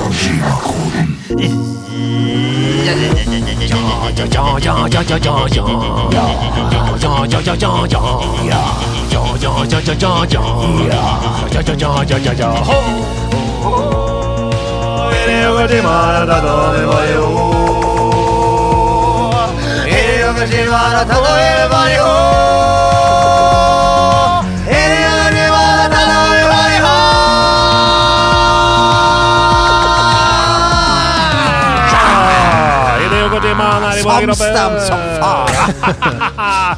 Vi mister ikke den evnen med det første. Nei da. Stian, Ja, Hideo Kojima har tatt over din body. her kommer han. Et perfekt metropolis smidd av din hånd. Hent din drømmeby, og i virkelighet du kan få det sånn. Er det City Skylands eller SimCity, da? Det lukter jo absolutt City-bilder. Men hent Smidd. din en, fra virkelighet, og du kan få det sånn. Er det et spill som du kan bruke liksom ekte Ekte byer, ja. byer, ja. Tokyo, Berlin, New York. Jeg bare sier byer. Ja, ja, ja. ja. Mm. Ikke sant? For det er hent fra ek, En gang til, Stian. Et perfekt metropolis smidd av din hånd. Hent din drømmeby, og i virkelighet du kan få det sånn. Hent din drømmeby. Det er noe som skurrer der. Jeg har lyst til å si liksom SimCity 3000, eller bare SimCity generelt. Ja. Skal vi Ja, si altså, det? det er ikke noe dumt, det. Nei, skal vi si det? SimCity? det. Det er SimCity. Ja! det er SimCity 2000, eh, tror jeg kanskje det. Fordi at eh, med andre setning så er det stresstest, alt med jordskjelv og alien-invasjon. Se hvor stødig du er med struktur og transportasjon. Det er så sterkt. Altså, jeg har savnet dine Kojima-koder. Ja, For de er på så høyt nivå. Takk Det skal er, du ha. po de er poetiske. Men det sykeste var at eh, når du Igjen, da, sånn som det pleier å være. Du er bare sånn Ja, litt sånn SimCity og sånt. I stedet jeg bare «Nei, Helvete, som skjer her? Vi snakker aldri om SimCity. Nei, nei, og du var, det var et eller annet du snakket om i sted. og ja, det, ja, det er litt sånn som SimCity. og Sånn, det er bare, Dette er jo ikke mulig. de bygger- av alle ting. Men det ligger, litt, det ligger litt i åpningen der. Den ligger litt laglig til for hogg, hogg når man er innstilt på det. Og det, vi snakket veldig mye City-bilder i forrige Ja, episode. sant det. Det gjorde vi jo, for det var to nye spill som skulle ut, og han elska jo Rune elska jo City-bilder, selvfølgelig. Der Ja, ja. ser du det. Sånn har det blitt. Ja. Ok, et spill nytt av alle. Fra barn til baroner. For Guys. Jeg spiller til lyden av bjørnens toner. Det spiller til lyden av bjørnstoner. Bjørns toner. Kan det være noe banjo til dette her, eller? Ja, man skulle nesten tro det. Et spill nytt av alle, fra barn til baroner. Jeg spiller til lyden av bjørnens toner. Er baroner bare hevet inn der som et nødrim, eller er det, Nei da, er det det der vi skal inn og lukte litt? Han, altså, han, det er ikke, han opererer ikke så ofte med nødrim. Nei, det er sant. Mm. Eh, så det er ikke in medias race av gubben og fes, som Ida dro på her. Så et sterkt øyeblikk. Ai.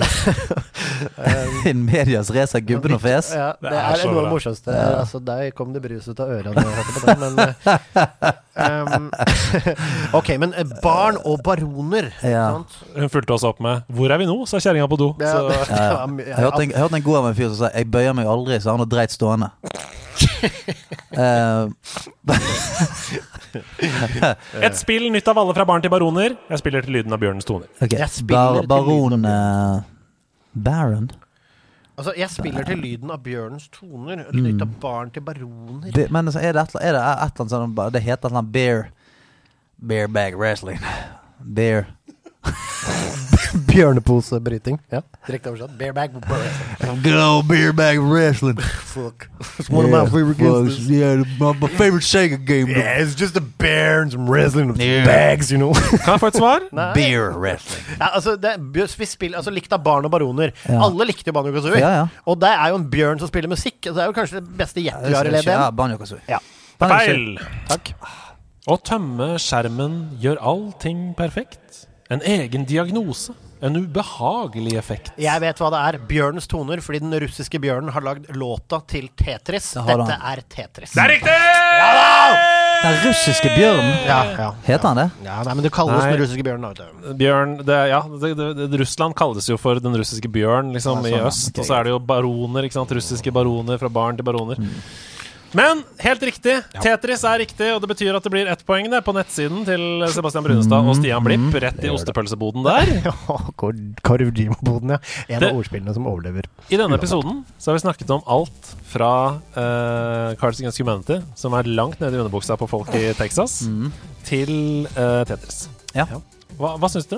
Vet du hva, Dette har vært en, eh, en glede. To, eh, år, nesten to og en halv time med glede. 2.03. To timer og tre Ja, minutter. lever med det. To timer, ja. For du, du følte at det, du syntes det var litt langtekkelig? da, Jeg ja, jeg tenkte sånn, gud bedre. Nå er vi snart på eh, Lord of the Rings Directors Cut-lengde. Altså, jeg har hatt det så utrolig bra, og det gjør Det letter hjertet mitt å vite at Andreas nå, etter å ha klippet episoden, skal hjem og kose seg. Eller til Arendal å kose seg med Xenoblade Chronicles 3. Mens vi, vi skal hjem og tute på en 17. mai-saks. God høst, folkens! God høst! God høst.